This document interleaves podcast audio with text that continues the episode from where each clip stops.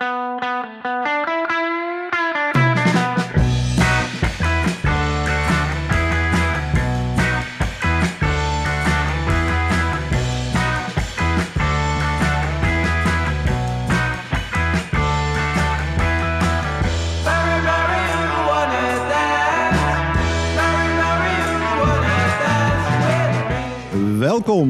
bij High Tea met Dirk en Rens, een podcast over cannabis en alles wat met deze wonderbaarlijke plant te maken heeft. Mijn naam is Dirk Bergman. En mijn naam is Rens Hoppenbrouwers. Deze aflevering wordt mede mogelijk gemaakt door Seedstockers. Betaalbare cannabiszaden voor thuiskwekers, verkrijgbaar op seedstockers.com. Dit is alweer de vijftigste aflevering van de High Tea podcast. En dat vieren we, dat jubileum, eh, vanuit een van de mooiste en grootste coffeeshops van het land. De Grass Company aan de Spoorlaan, nummer 360 in Tilburg. Ja, hiep hiep hoera in ieder geval. Gefeliciteerd Dirk dat je het al 50 afleveringen met mij uithoudt. eh, zo, eh. Ik zou zeggen insgelijks. Godverdomme zeg. Verbazingwekkend. Momentje. Maar, maar in ieder geval... ook We are voor, eh, 50. Ja, maar ook voor het eerst nemen we de podcast op met live publiek. Van harte welkom aan de mensen die hierheen zijn gekomen om dit feestje met ons mee te vieren. Ja, Ja, die zitten gezellig eh, aan deze grote tafel. We zitten op de eerste verdieping eigenlijk bij eh, de Grass Company hier. Dat is eigenlijk perfect geschikt. Eh, alle ruimte, we worden hier perfect verzorgd, kan ik ook wel zeggen. ik zat te denken om hier onze vaste studio van te maken. Ja, voor jou, jij kan hier lopend naartoe komen, zo'n Oh. beetje vanuit waar je woont. Maar voor mij is dat een, ja, een- langere weer, expeditie. Oké. We gaan er in ieder geval een zeer bijzondere aflevering van maken. En eh, daarin blikken we terug op een ruim twee jaar High Tea podcast. En eh, schuiven er een aantal speciale gasten aan. Die ik nu al eh, in de ogen kan kijken vanuit hier. Maar voor de luisteraars houden we nog eventjes eh, een verrassing wie dat precies zijn. En wat hun verhalen precies inhouden. Ja. En natuurlijk, eh, onze vaste ru- rubrieken ontbreken natuurlijk niet in deze 50ste aflevering. Eh, we doen natuurlijk nog eh, het nieuws. Eh, wat zit er in de joint vandaag? De oude doos. Reacties van luisteraars. En natuurlijk Dirk zijn oude wijze woorden. Dit is High Tea met Dirk en Rens. Aflevering 50 vanuit de Grass Company in Tilburg. Lekker. We zijn begonnen. In ieder geval, ja, zeer bijzonder allemaal. Ik zeg, we gaan gewoon meteen beginnen. Ik ben helemaal van stapel. Maar eh, het- ik, laten we vooropstellen dat ik zeer blij ben om hier te zitten. En ik vind het hartstikke gezellig dat iedereen is, eh, ook hierheen is gekomen. Ondanks eh, de, de hindernissen. De QR-codes, de, De- tegenwind, wat er allemaal... Mondkapje. mondkapjes. wow, dus, We mogen hier dus nu wel zitten zonder mondkapje. Nou, anders hoor je bijna niks. We kunnen ook Dus, probleemloos roken, zolang we dat tabaksvrij doen. Dat, daar zullen we het misschien ook eh, later wat uitgebreider over hebben. Over het, het onderwerp tabak, wat natuurlijk in de laatste afleveringen ook al wel aan bod is gekomen. Ja, en we zullen natuurlijk ook over eh, Johan van Laarhoven ook even hebben. Die Zeker. natuurlijk deze koffieshop heeft eh, geopend of begonnen Bedacht. is. Bedacht. Dus eh, super, super tof. Maar eh, ja, laten we beginnen met de eerste rubriek.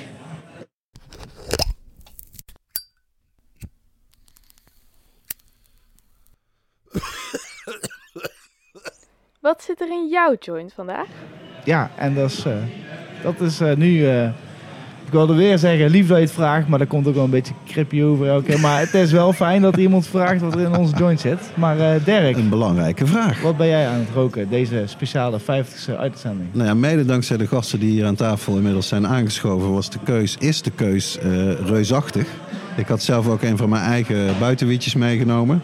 Maar via toch wel ja, ja, vriendin van de show, kan ik bijna zeggen, de Miss Dizzy Duck eh, Den Haag, heb ik, en die ken ik eigenlijk al wel, de White Amnesia van, eh, van de Dizzy.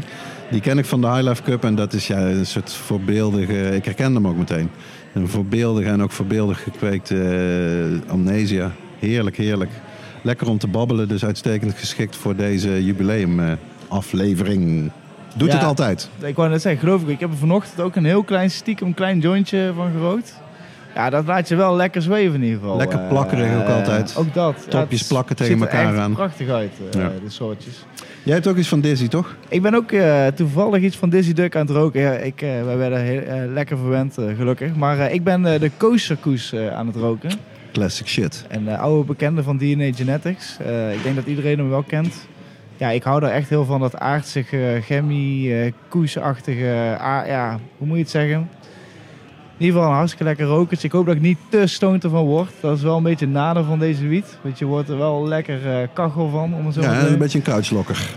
Dus eh, nou, we gaan het zien in ieder geval. Ik hoop dat ik overeind blijf. Ik sleep je er doorheen, we Rens. gaan, we gaan, we gaan. Ik, heb, ik heb nog een theetje. We gaan op full tempo. We ik hebben meer... thee. of ik mij... heb een, nee, dat is de mijne. Dat is een Oh, soort drop thee. Die oranje kleurig is meer die van jou. Een beetje fruity. Fruity. fruity. Bosvruchten thee. Nee, ja, we worden En dat dan samen met die aardse tonen van de kosher kush. totale verwennerij. Heerlijk. Gewoon prachtig. Heerlijk. We gaan naar het nieuws. Ja, dat is eh, zeker. Laten we naar het nieuws gaan.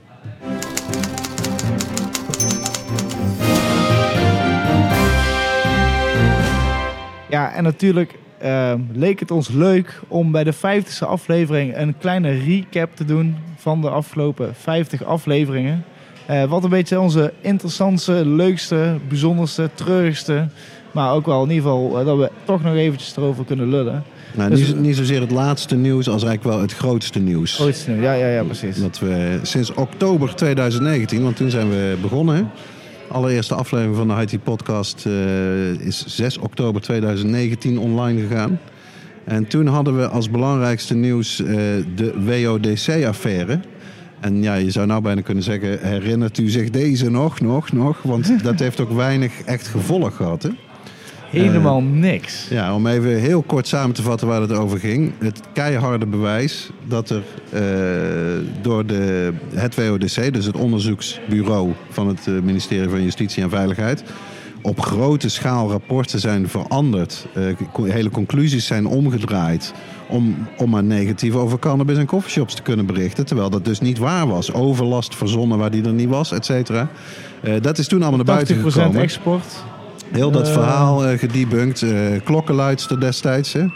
En ja, even, en zeker ook toen wij die eerste aflevering maakten, hadden wij de hoop dat dat ook zou leiden tot bijvoorbeeld nieuwe onderzoeken. Die niet zo gemanipuleerd zouden zijn als deze onderzoeken ja, waar die WODC-affaire over ging. Maar daar hebben we inderdaad bedroevend weinig sindsdien over gehoord. Ja, echt heel jammer. Want ik had, ik had ook gedacht dat het een baanbrekend onderzoek zou zijn. Nee, ze zouden eigenlijk beginnen een keer met wat positieve onderzoeken of zo, of resultaten. Maar eh, uiteindelijk is niemand daar ooit voor op, echt op een matje geroepen. Niemand, volgens mij, eh, op stelte doen de tijd, volgens mij. Ja, die was eh, al weg. Ja, die, of, eh, Die was al in schande afgetreden. Dus die kon niet, niet alsnog weggaan. Oh ja, zo lang is twee jaar geleden. Nou, ik geloof dat er wel een secretaris-generaal van Justitie, of in ieder geval een hoge ambtenaar van Justitie, is overgeplaatst, of weet ik veel. Dus iets heeft het wel eh teweeg gebracht. Maar ik herinner mezelf een interview met die eh klokkenluister, Marion van Ooyen, als ik me niet vergeet heette zij. Die eigenlijk heel cynisch in een interview zei: Mijn advies aan iedereen die bij de overheid werkt en misstanden tegenkomt, hou je mond. Praat er met niemand over. Doe niet wat ik heb gedaan. eh klokken luiden. Want eh, je, wordt schandalig daardoor behandeld. Je raakt je baan kwijt. gemaakt gewoon. Nou ja, en in ieder geval helpt het niet ten goede. Eh, dus dat, was, ja, dat is wel eigenlijk een, een triest verhaal. Beter nieuws. Maar ja, goed, uiteindelijk, we zijn niet speciaal voor die, dat nieuwsitem eigenlijk dit begonnen. Het is wel gewoon begonnen met gewoon het feit dat ik altijd dacht van... Wij, zit, wij, wij, wij hebben altijd een, eh, een samenkomst. Ik, eigenlijk sinds dat ik dus eigenlijk bezig ben met cannabis of cannabis legalisering... Of in, de, of in ieder geval in heel deze onderwerp ben ik bij jou gekomen. Nooit meer weggegaan ook eigenlijk. En eigenlijk altijd als ik bij jou was, de eerste uur, anderhalf uur, waren wij gewoon precies dit aan het doen. We waren een jointje aan het roken, lekker aan het drinken, een kopje thee. En gewoon het laatste nieuws, de laatste roddels, de laatste dingetjes aan bespreken. Of ik had vragen over bepaalde dingen die jij me dan kon uitleggen. En, ja, En andersom, dat kan ik natuurlijk ook wel zeggen. Bij mij is het dan eh, oude doos en eh, archieven en oude politiek. Maar bij jou is het juist een beetje het omgekeerde. Eh, ja, cutting edge nieuwe strains. Jij ziet uiteindelijk tegenwoordig veel meer coffeeshops dan ik. Kijk, vroeger deed ik coffeeshop test. Ik ging door heel Nederland coffeeshops bezoeken, maar dat is echt al wel een hele tijd geleden. En jij kan mij in die zin ook weer van alles leren. Ik denk dat dat, eh, dat werkt in ieder geval altijd goed eh, tussen ons. Ja, dat is, dat is wel mooi. En natuurlijk hebben we dan Simon, onze producent eh, slash geluidsman Ons slash anker. duizendpoot. Je mag best nerd zeggen hoor. Oké, nerd. hij is wel een mooie, een mooie kerel in ieder geval. Ik ken hem al vanaf dat hij 12 is. En eh, ja, omdat hij dus ook gefascineerd was met geluid, had hij toen al eh, eh, microfoons en al deze an- apparaten, zodat wij in ieder geval gewoon konden beginnen. Ja, en zodat het ook nog een beetje fatsoenlijk klonk. En ondanks, eh, ik zal eerlijk bekennen, ik heb eh, toevallig aflevering 0 en ook 1 nog wel eens geluisterd. Dat is al echt wel andere kwaliteit al dan dit, om het zo maar te zeggen. Ik durf het sowieso eigenlijk niet aan om terug te nee, luisteren. Ja, ik, ik vind het ook vreselijk om mezelf terug te luisteren. Maar bijvoorbeeld, ik, toen heb ik het ook nog zelf geëdit. Nou ja, dat is echt wel... eh, en hij, Simon doet ook onze edit. Dus eh, ja, nee, dat is, het is gewoon heel top. Ik denk eh, dat het daarom ook zo makkelijk is om 50 afleveringen vol te maken. Omdat het gewoon... Het is gewoon heel leuk om te doen. Je hebt een, echt een excuus om iemand aan zijn mouw te trekken om te zeggen... Dat is ook leuk, ja. Zou ik eens een keer twee uur met jou willen lullen, weet je wel? En eh, ze vinden het nooit erg, weet je wel? Ze vinden, zijn er bijna allemaal vereerd als we ze vragen.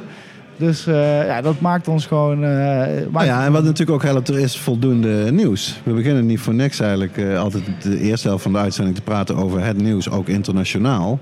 Want dat klopt. is wat mij zeker ook als activist op de been houdt als het in Nederland weer eens twee stappen terug is in plaats van één stap vooruit. Dat in het buitenland blijft het goede nieuws eh, binnenstromen. Bruggetje, zoals wij in aflevering 9 konden melden dat eh, Illinois en New York State gingen legaliseren.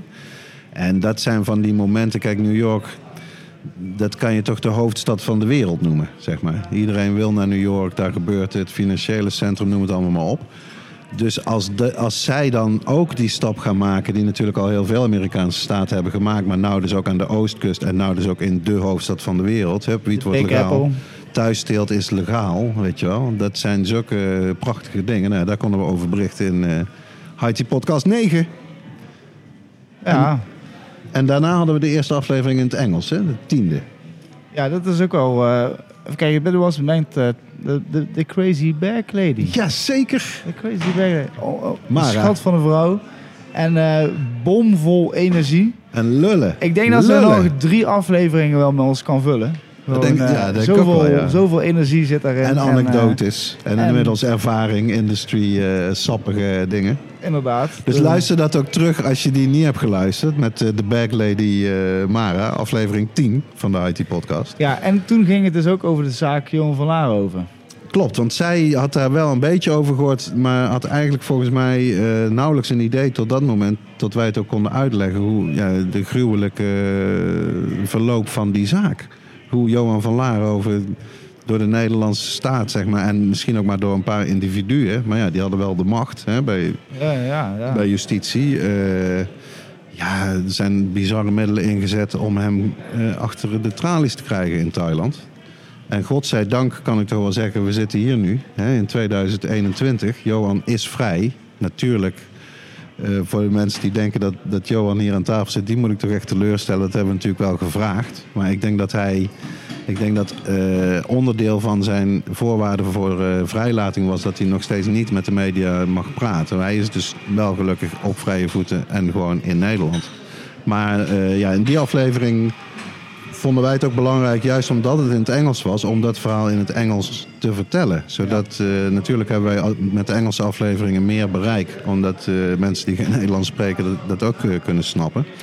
Dus eh, ja, als je. Ja, dan willen we ook, wil ik ook nog even bij vermelden. Kijk, eh, eh, Johan is vrij, of zo vrij ongeveer, maar hij wordt inderdaad nog steeds vervolgd Ja. door de Nederlandse overheid hier in Nederland. En ook de zaak waar wij nu zitten, is het ook maar een wonder dat we hier nog kunnen zitten. Omdat ze dus ook gewoon door de Ja, gemeente... De burgemeester gewoon- van Tilburg, Theo Weterings, die heeft ook heel recent, vorige week nog, Ja. duidelijk gemaakt: nee, nee, ik blijf bij mijn voornemen. Eh, De Grass Company in Tilburg, die moeten alle twee dicht. Want in totaal zijn er vier eh, Grass Company coffeeshops: twee in Tilburg, twee in Den Bosch. Dit is veruit de grootste en de mooiste. Die eh, Johan zelf, eh, ik heb hem maar één keer lang gesproken, jaren geleden, Johan van Laren over. En toen was deze koffieshop er al wel. En toen noemde hij hem, eh, dat zou ik nooit vergeten. Die koffieshop, zei hij, dat is natuurlijk mijn sterve pik. En als je hier binnenloopt zo voor de eerste keer... en je ziet hoe fantastisch dat eruit ziet, hoe groot het is... die tweede verdieping, die soort vierde waar wij hier nou op zitten... eh, de toplocatie op loopafstand van het Centraal Station van Tilburg... dan begrijp je wel een beetje wat hij daarmee bedoelt. En dat heeft natuurlijk iets provocatiefs Terwijl het is wel eh, aan alle kanten smaakvol. Ook zeker aan de buitenkant. Het past perfect in de straat, zeg maar. En in die zin is het niet provocatief, maar het is laten zien eh, wat een, hoe een koffieshop, hoe mooi dat kan zijn. En eh, wat een verrijking voor een, voor een stadscentrum. Zoals hier in Tilburg. Ja, inderdaad. En ook gewoon het feit dat je hier heerlijk kan eten, vind ik ook wel een, een vermelding waard in ieder geval. Het is echt een koffieshop waar ik dus met mijn vader bijvoorbeeld eh, als eerste naartoe ben gegaan. Omdat hij natuurlijk nog nooit gebloot had. Eh, en ook, of hij wilde niet eens blowen, maar hij wil wel graag weten wat voor soort zaken ik nou vaak was. En hij wilde toch een beetje de koffieshop wereldje begrijpen. Dus ik heb hem hier dat meegenomen. hem sowieso. Ja, ja, Ja. zeker. En we zijn hier lekker gaan eten en hij was enorm verrast.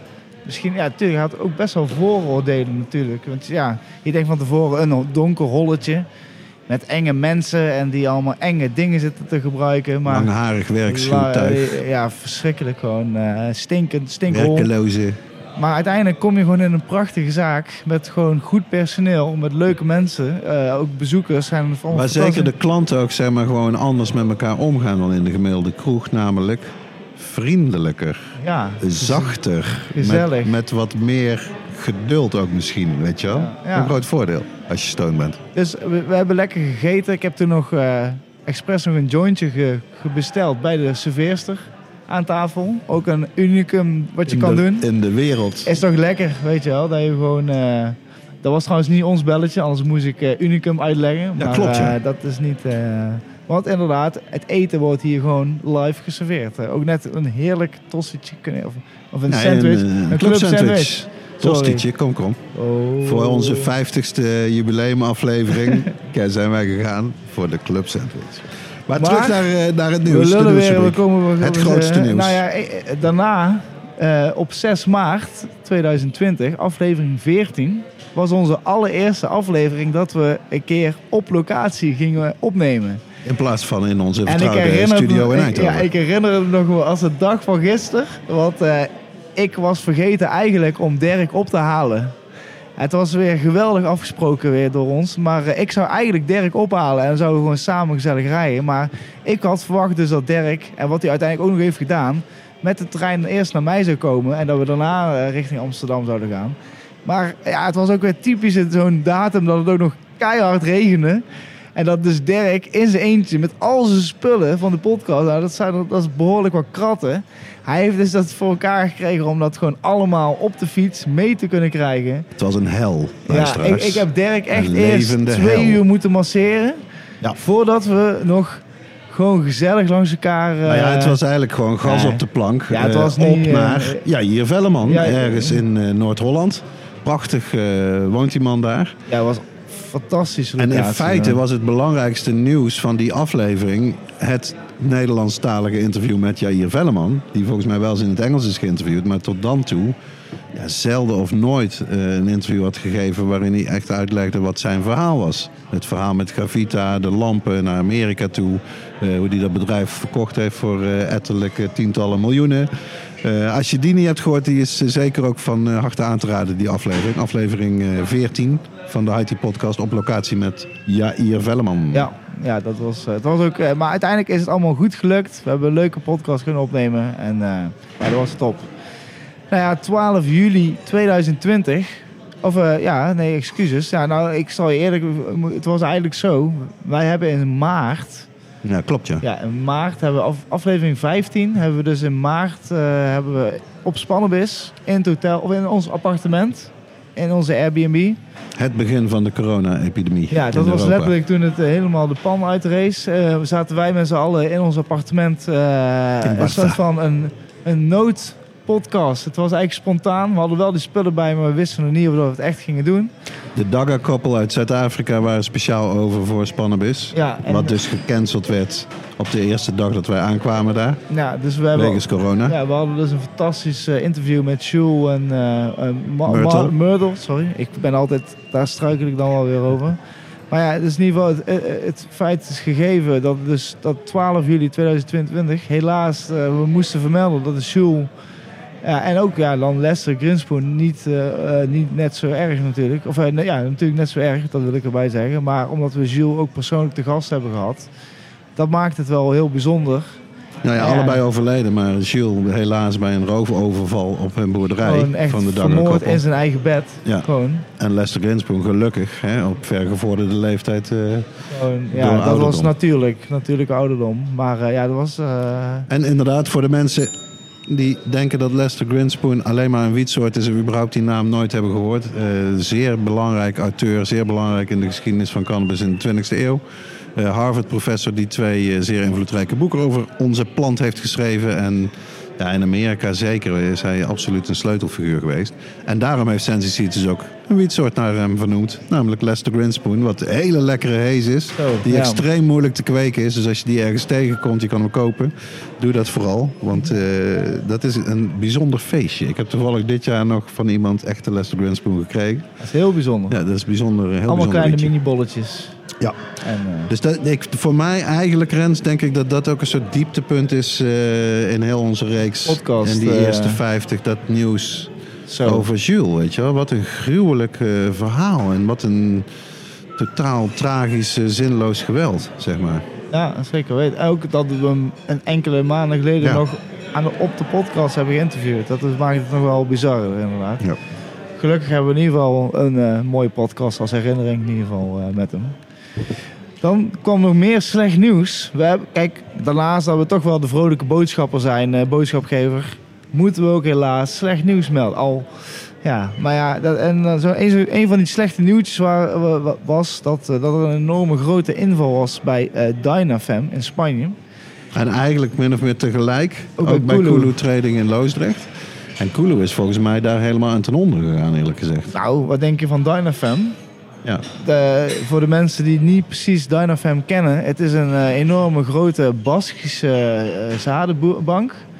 En die, die eigenlijk in de afgelopen tien jaar of zo wel uitgegroeid is tot een van de marktleiders, denk ik, van Europa. Zonder meer, ja. En zij leverden wel praktisch zaden, echt. eh, Het was gewoon eh, bijna alle zaden die je wel in Europa kon krijgen, die kwamen wel bij, uit hun handen Ja. wel bijna vandaan. Ik heb één keer hun seed room ook mogen bezoeken in hun hoofdkwartier. eh, Had je er foto's van gemaakt? Ja, ja, zeker. Wauw, ja, die ja. kan ik je nog wel een keer laten zien. Dat is wel heel cool. Hij liet ook zo even vallen, heel casual, voor hoeveel miljoen euro daar in die eh, relatief kleine ruimte aan zaden bij elkaar lag, zeg maar. En ook, dat was mooi om te zien, hoor, alle merken gewoon.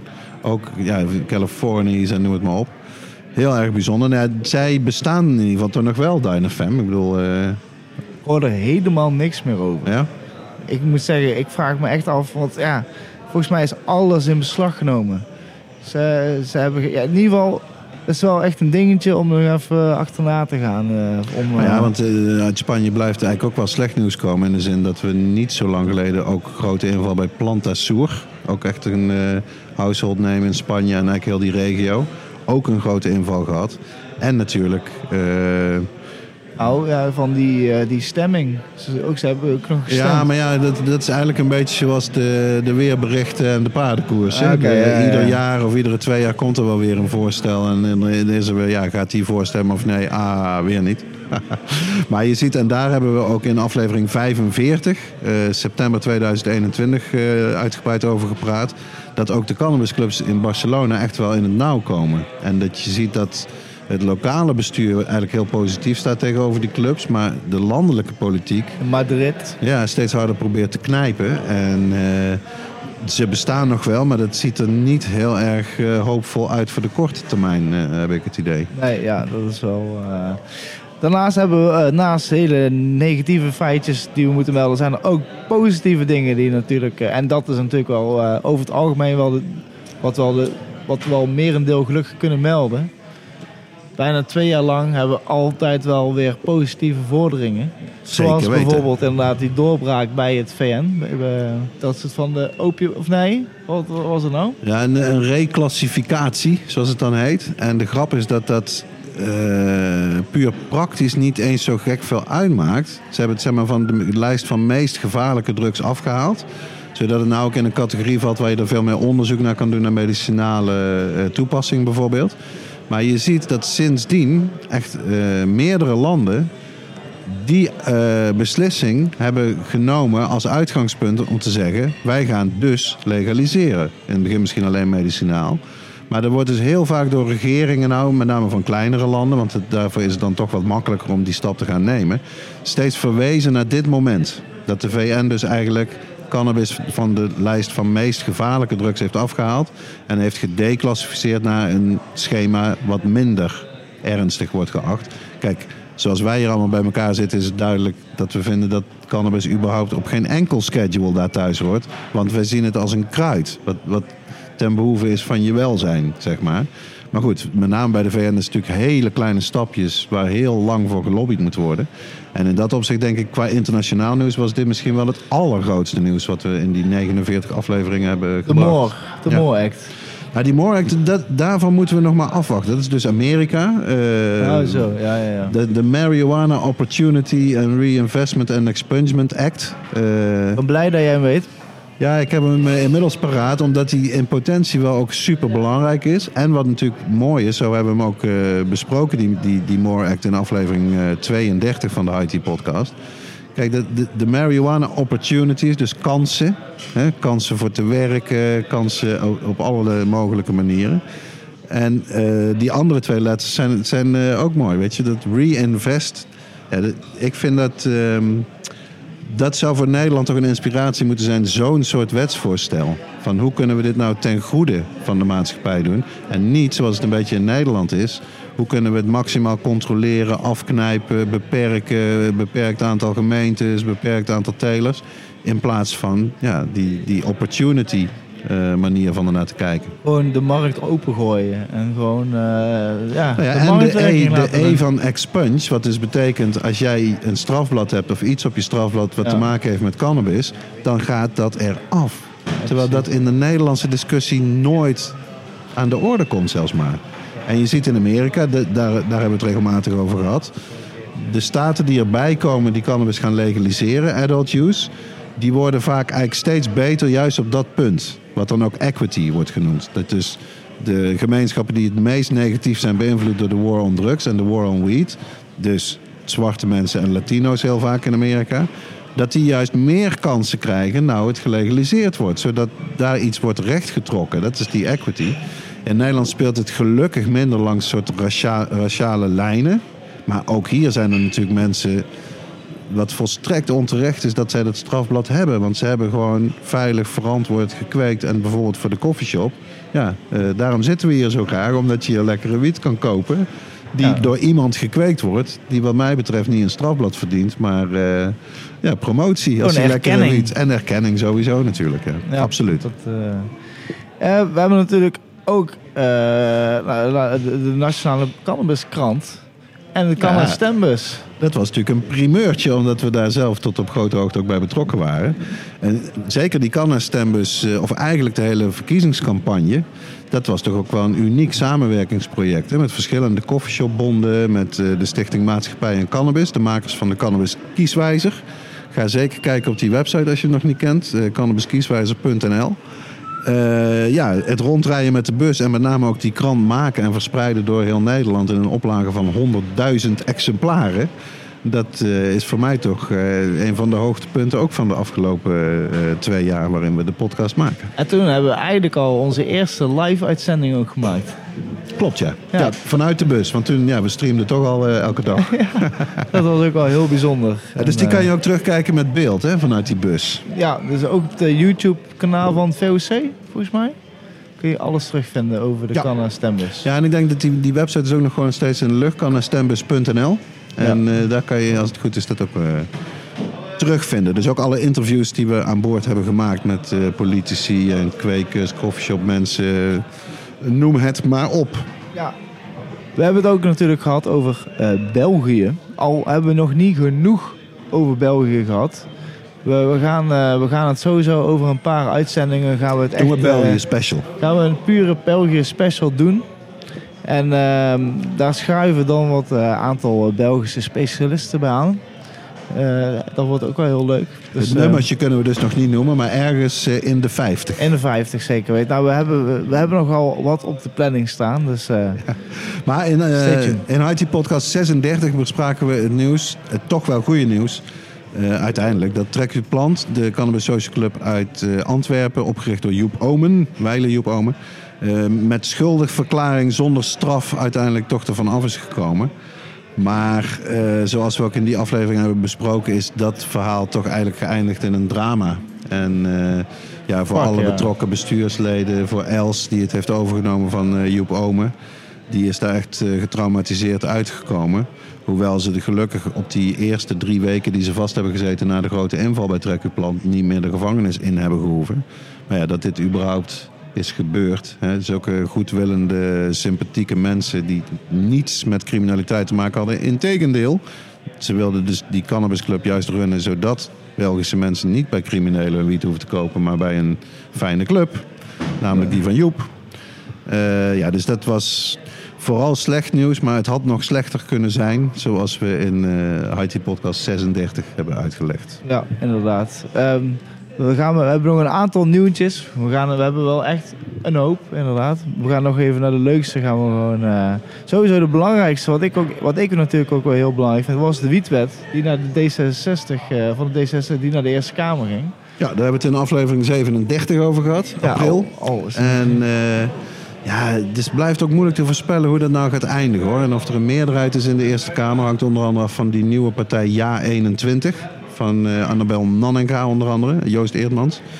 Die, ze hebben ook zich nog niet duidelijk uitgesproken of ze nou voor of tegen de wietwet gaan stemmen. Dus dat blijft eigenlijk een beetje spannend. En dan zou je dus de rare situatie kunnen krijgen dat we tegelijk de wietproef hebben en de wietwet. Dus de wietwet landelijk uitgerold voor alle coffeeshops. En de wietproef met allerlei extra beperkende regels voor eh tien coffeeshopgemeenten. Waaronder Tilburg. Nederland in het kwadraat. Ja, zeker. Heerlijk. nou ja, natuurlijk ook, eh, laten we ja, nog de einde vervolging. Blowboat Almere. Ja. Zat in IT podcast nummer 39. Eh, ja, jarenlang heeft justitie achter eh, de blowboot aangezeten. Eh, Bart Vollenberg, daar de eigenaar natuurlijk van. Ook een koffieshop in Lelystad heeft hij, Koffie en Dromen. Ah, Ehm, ja. Ik denk dat, of dat weet ik eigenlijk wel zeker, het feit dat hij zo heftig vervolgd is geworden door het OM, heeft hem eh, ertoe gebracht om te beginnen onder andere met Stichting Epicurus. Waaruit later ook Cannabis Connect voort is gekomen. Dus zeg maar de ja, gestroomlijnde professionele coffeeshop lobby. Die een aantal jaren ook succesvol heeft gedraaid. Maar inmiddels ten einde is gekomen. En dat heeft denk ik te maken met het einde aan die vervolging. Want op dat moment verviel denk ik voor Bart ja, de dringende noodzaak om hier zoveel tijd en energie in te steken in die lobby als wat hij had gedaan. En voor hem eh, ja, is het nou gewoon alle ogen gericht op de, op de wietproef, denk ik. Ja, en daarnaast hadden we natuurlijk de. eh, ik vind het persoonlijk een van de ergste. hoe moet je zeggen? Ik vind het gewoon heel verschrikkelijk nieuws omdat ik een zo'n warm hart toedraag aan de koffieshop-eigenaars van Zwolle New Balance. Ja, Die- zat in dezelfde aflevering. Ja, die dus op dat moment de handdoeken in de ring eh, hebben gegooid en ermee zijn gestopt. Een koffieshop in Zwolle die dus altijd zo lekkere wiet had en zo goed gekweekt, biologisch. Ik ging daar echt, als ik ooit eh, wiet van, eh, van ze kreeg, nou, dan was het altijd ontzettend lekkere, sappige. Altijd top, hè? Altijd top. Dat, werd je, dat, werd je, dat was echt wel de moeite waard om even naar Zwolle eh, te gaan rijden. En zij dus echt tot wanhoop gedreven door het lokale bestuur, door de manier waarop er met hun wordt omgegaan als ondernemers. Ja, echt een grote schande. En ergens, ja, zij waren ook al heel lang bezig, dus je kan je dan ook wel voorstellen als je zo lang tegen de bierkaai vecht. En Continu. je, kan het nooit goed doen. Precies, die erkenning blijft ook uit, hoe goed je ook je best doet. Dat je dan op een gegeven moment denkt van, en nou is het wel genoeg, laat ze het maar allemaal uitzoeken, ik stop ermee. Ja. Dat kan ik begrijpen, maar het is natuurlijk dood en dood eh, zonde. Dan gaan we naar het laatste nieuwtje. Ook wel, we eindigen dan wel een beetje met een treurig, treurig nieuwtje. Maar ja, wie, wij zijn wel om daar weer iets positiefs van te maken. Natuurlijk eh, Henk Ponsen, de oprichter van de Cannabis College en ook de erevoorzitter van het VOC. Ja. eh, die helaas overleden eh, is. In eh IT Podcast 48 hebben we hem uitgebreid herdacht. Ja, een grote inspiratie van mij persoonlijk. Natuurlijk mijn voorganger ook als voorzitter van Stichting VOC. Buitengewoon wijs en markant man. Ja, dat hoort er een beetje bij. En ook dat is eh, cannabiscultuur. Wij vieren die cannabiscultuur de helden. En daar hoort bij dat eh, als een van die helden overlijdt, dat we dat gedenken. En eh, dat we ook aan, het klinkt wat gedragen, maar ik meen het, aan jongere generaties doorgeven. de reuzen op wiens schouders wij staan. Want dat geldt voor mij natuurlijk ook. Mensen als Simon Vinkoog, die, die als een van de allereerste in Nederland op televisie en op de radio en in de krant zei: Ik rook wiet en dat is geen probleem. En dat zou niet verboden moeten zijn. Eh, ja, dat deed hij al eh 60, 70 jaar geleden. En eh, dus ik denk dat het belangrijk is om, eh, om die mensen in ere te houden en die namen te blijven noemen. Zoals ook de naam van Henk Ponsin. Yes. Nou, dat was een berg nieuws. Ja. Ik hoop dat niet iedereen in slaap is gevallen. Maar eh, nee, het is altijd... eh, wij vonden het in ieder geval leuk om een kleine recap te doen. Ik zou zeggen, laten we naar onze luisteraars gaan. Ja, We zeker. kunnen officieel eens een keer een reactie terugvragen. In plaats van dat het altijd één richting... eh, te zomaar in de ruimte zitten te lullen. Want aangeschoven hier al vanaf het begin. we, we hebben een aantal gasten. We gaan ze gewoon eh, één voor één af. We maken er gewoon een gezellige boel van. Eh, we, hebben, we beginnen... Het is al gezellig, dit is sowieso gezellig. We beginnen met eh, Tati Or- Organics. Eh, daar gaan we het vooral over zijn eigen kweek hebben. Ook een leuk verhaal. En daarna hebben we Plant Savant. over mutaties en aparte wietplantjes. En daarna hebben we... hoe noemen we dat? Ja, Robin, last de, de man, de man van, een, van de ene wietplant. De man die voor één wietplant uit zijn huis is gezet. De echte strijder. In ieder geval. Nou ja, eh, en, en een of een slachtoffer, grote pechvogel. gewoon, slachtoffer van de Hollandse hennepoorlog. eh. Dat Dus, eh, eh, kunnen we op zijn minst zeggen. Zit je er klaar voor? Eh, ja. Ja. Ja. Zit, hij goed genoeg? We zetten Je de moet hem microfoon, mi- zet de eh, microfoon scherp. Hoe die het lekkerste voor je, dat je in ieder geval Ja. lekker kan zitten, maar dat je ook lekker kan kletsen. Ja, is goed. Welkom bij de High Tea Podcast. Ja, raar. Hoe in godsnaam ben je bij de High Tea Podcast? Hoe heb je onze podcast überhaupt gevonden? Oh, dat weet ik nog wel. Ik wel twee jaar geleden of zo begonnen ik en mijn vriend een beetje met blowen. En toen, eh, het ging steeds verder, zeg maar. Op Instagram zag je dan mooie foto's. En dan zocht je zo'n eh, een zadenbank zocht je op. En toen kwamen we uit bij Dutch Passion, volgens mij. Toen zag ik jullie toevallig. volgens mij daar staan. En eh, ja, toen gewoon aangezet. Ik, weet, ik fietste naar stage en toen begon het. Ja, dat is wel echt. Kijk, het is, eh, het is leuk dat in ieder geval dat we. En ook via Dutch Passion inderdaad, dat we zo. eh, en jij bent inderdaad aangekomen hier, maar je bent echt, je kwam niet zonder eh, met nee, ik lege was handen. voorbereid. Ik wist Je was- wat ik wou doen. Inderdaad, je hebt echt een hele stapel, je hebt een toren gemaakt van lekkere dingetjes. Kun je eens een beetje, kun je sowieso eens iets vertellen over zo, ik vind het wel eigenlijk interessant, hoe ben jij begonnen met kweken zelf? Want jij hebt duidelijk zelf gekweekt. En het ziet er buitengewoon goed Ziet uit. eruit super. Hoe, hoe- Ja, ik Vertel er gewoon bij het begin. Ja, het begon gewoon met eh, filmpjes kijken van de biotabs en eh, ja, gewoon van alles. Je ziet al die filmpjes en dan is het gewoon interessant. Gewoon, ja, je bent er altijd mee bezig. Elk weekend ga je chillen met je vrienden en dan gaat het steeds weer over. Dus het interesse komt steeds meer. En toen eh, ging ik gewoon kijken naar zo'n eh, tentje. En toen eh, heb ik gevraagd aan mijn ouders en dat mocht. Dus toen heb ik eh, meteen die kans gegrepen. Al mijn, al mijn centen van eh, zo, in de afwaswerk in de zomervakantie heb ik eh, aan een tentje uitgegeven. En toen heb ik eerst van Dutch Passion de Blackberry Kush gekweekt. Aha.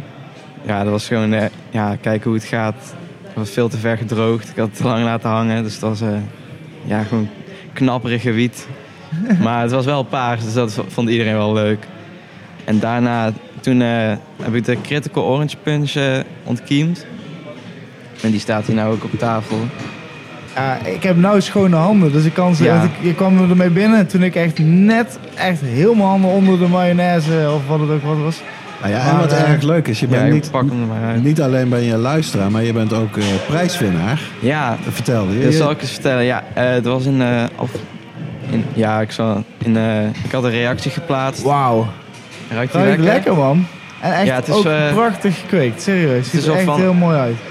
Ik heb het allemaal met biotabs gedaan. Want die zag, die zag ik eh, staan op de Dutch Passion. En dat leek best wel makkelijk. Dus toen...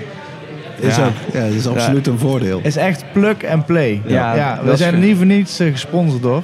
Ja, Dus we ik, zullen kan het, niet maar- ik kan het iedereen Past echt bij aanraden. ons. Inderdaad, het is bijna foolproof, heb ik van eh, horen zeggen. Want ik ben zelf geen ervaren kweker, kan ik bekennen. Maar eh, inderdaad, van de mensen die ik ken die ermee werken, het is echt, je, het is plug and play. Je hoeft alleen nog water te Ja, dit is geven vaak. resultaat. En er komt, er komt gewoon dit vanaf, weet je wel. Dat is wel... eh, Ja, wij, we, we hebben ook een, eh, een van de, eh, de vrienden van de podcast, Kees. eh, ja, die, is ook, die kweekt altijd met Ja, biotaps. Die heeft me ook wel veel tips gegeven. Ah, ik het had is hem echt eh, gewoon prachtig, geappt. man. Echt Nou, super gaaf. Gewoon, De high flyer. Ja. ja, toen heb ik dus die gekweekt. Maar en toen had ik, eh, ik had een reactie geplaatst. En toen kwam ik in de aflevering. En toen kreeg ik zaden van de Super Sativa Seed Club. En een eh, maatje van mij, die had dus mij bezig gezien met het tentje. En die dacht, ja, dat wil ik ook wel doen. Maar hij ging het buiten doen. Dus toen eh, heb ik hem die zaden gegeven van die Pineapple Poison. Toen hebben we hem eerst eh, kort opgekweekt in mijn tentje, dat hij eh, een beetje een voorsprong had. Nice, heel slim. En Toen, eh, ja, toen ging hij best wel hard. Want hij had ook eh, plantjes die niet voorgekweekt waren. En dan zag je wel dat verschil in grootte al. En kon je, kon je hem goed af, afbloeien eigenlijk? Ja, nee, helaas niet. Ja, het Nee, was want, dit jaar. Ja. Het was dit jaar. Dit jaar is bagger geweest. Hij, denk drie weken voor harvest of zo begon de toprot al. En toen hebben we het gewoon ja, afgeknipt. precies. Ja, toen dat was het eh, klaar. Toprot, jongen, dat heeft dit jaar gewoon Zuur. eh, ja. duizenden eh, kilo's buitenwiet gekost, hoor, Ja. denk ik. Ja, niet dat- te geloven. Ja, dat denk, dat denk ik ook wel. dat is Maar bijna niet te stoppen. en vraag me ook af, doe jij ook eh, eh, verduisteren? Oh, dat is een eh, tip die ik Ja. eh, dus eh Ja. mijn collega heb gegeven. ja. Absoluut. Nee, hij Ja, heeft het dat niet gedaan. Gewoon foto's buiten. Nou ja. Ja, precies. Nee, ja, dat, kijk, want Ah, dat het is niet zozeer een tip, eh, zou ik zeggen, Rens. Als wel, het- je weet gewoon, het kost een hoop extra moeite. Ja, ik heb het wel gesuggereerd, maar... Ja, Ja, je moet gewoon bereid zijn om het liefst drie weken of zelfs nog langer... elke fucking avond en elke ochtend Ja, dan, te hij, sjouwen met die planten. Ja, ik vind het nogal een want- offer. voor hem ik- is het ook wel moeilijk, want hij en zijn ouders zijn gescheiden, zeg maar. Dus hij is dan, dan is hij bij zijn pa. Dan, is Ah, maar, ja, nou ja, precies. dan Ja. gaat het al helemaal moeilijk. Ja, Voor ja, mij is het eigenlijk, volgens mij heb ik het ook wel eens uitgelegd in de show, maar dat is voor mij een van de voordelen van corona. Want ik zit toch echt meer dan ooit thuis. Ook in de zomer, waar ik normaal toch wel, hè, waar dan ook ben, maar niet zozeer thuis. En nou ja, als ik thuis ben, dan vind ik het niet zo erg om lekker met die planten bezig te zijn. Integendeel. Dat is absoluut Lekkere goede. afleiding. Maar dat vind ik ook nog wel interessant hoe jij dat beleeft als eh, meer jonge, jonge eh, thuiskweker. Dat je het bezig zijn met die planten. Dat Ik vind het, dat echt heerlijk. nou ja, rustgevend toch? En Ja. stressverlagend in zekere zin. Ja, bijna el- elke ochtend kijk ik in mijn tentje. Ja. Elke ochtend. Ja. En dat is gewoon, een- ja, het is een soort eh, ritueeltje gewoon. Ja, je wordt wakker, je kijkt naar je plantje, je aait je hond. Je smeert een boterham. Het is echt prachtig. Ja, het is echt wel, ik vind kijk, je- het, je ziet er ook wel vanaf dat je er Ja, echt de met liefde. liefde, de, je doet. En ja. Het zit passie in. En ik denk echt, eh, ja, ik, vind, ik kan alleen maar zeggen, ga ermee door. En serieus, als we geweten hadden dat als we zeg maar live met publiek zouden doen, dat dan allemaal luisteraars komen met supergoeie wiet in mooie potjes, Zo. dan hadden we daar ook bij de tiende aflevering gedaan. En Nou, bij de eh, twaalf en halfde, Ook nog wel eentje. twintigste. Ja, zeker. Dus eh, nee, ja, top om te horen, man. Zijn, zijn er nog bepaalde dingen waar jij, waar jij denkt van, nou, eh, of, nou, ik hoorde in ieder geval dat je ook met de cup, eh, met de Ja, ga Cup gaat de- meedoen? Die ik zelf heb gekweekt in het tentje, de binnenwiet, die ook, heb ik voor ingeschreven. Apart gelegd.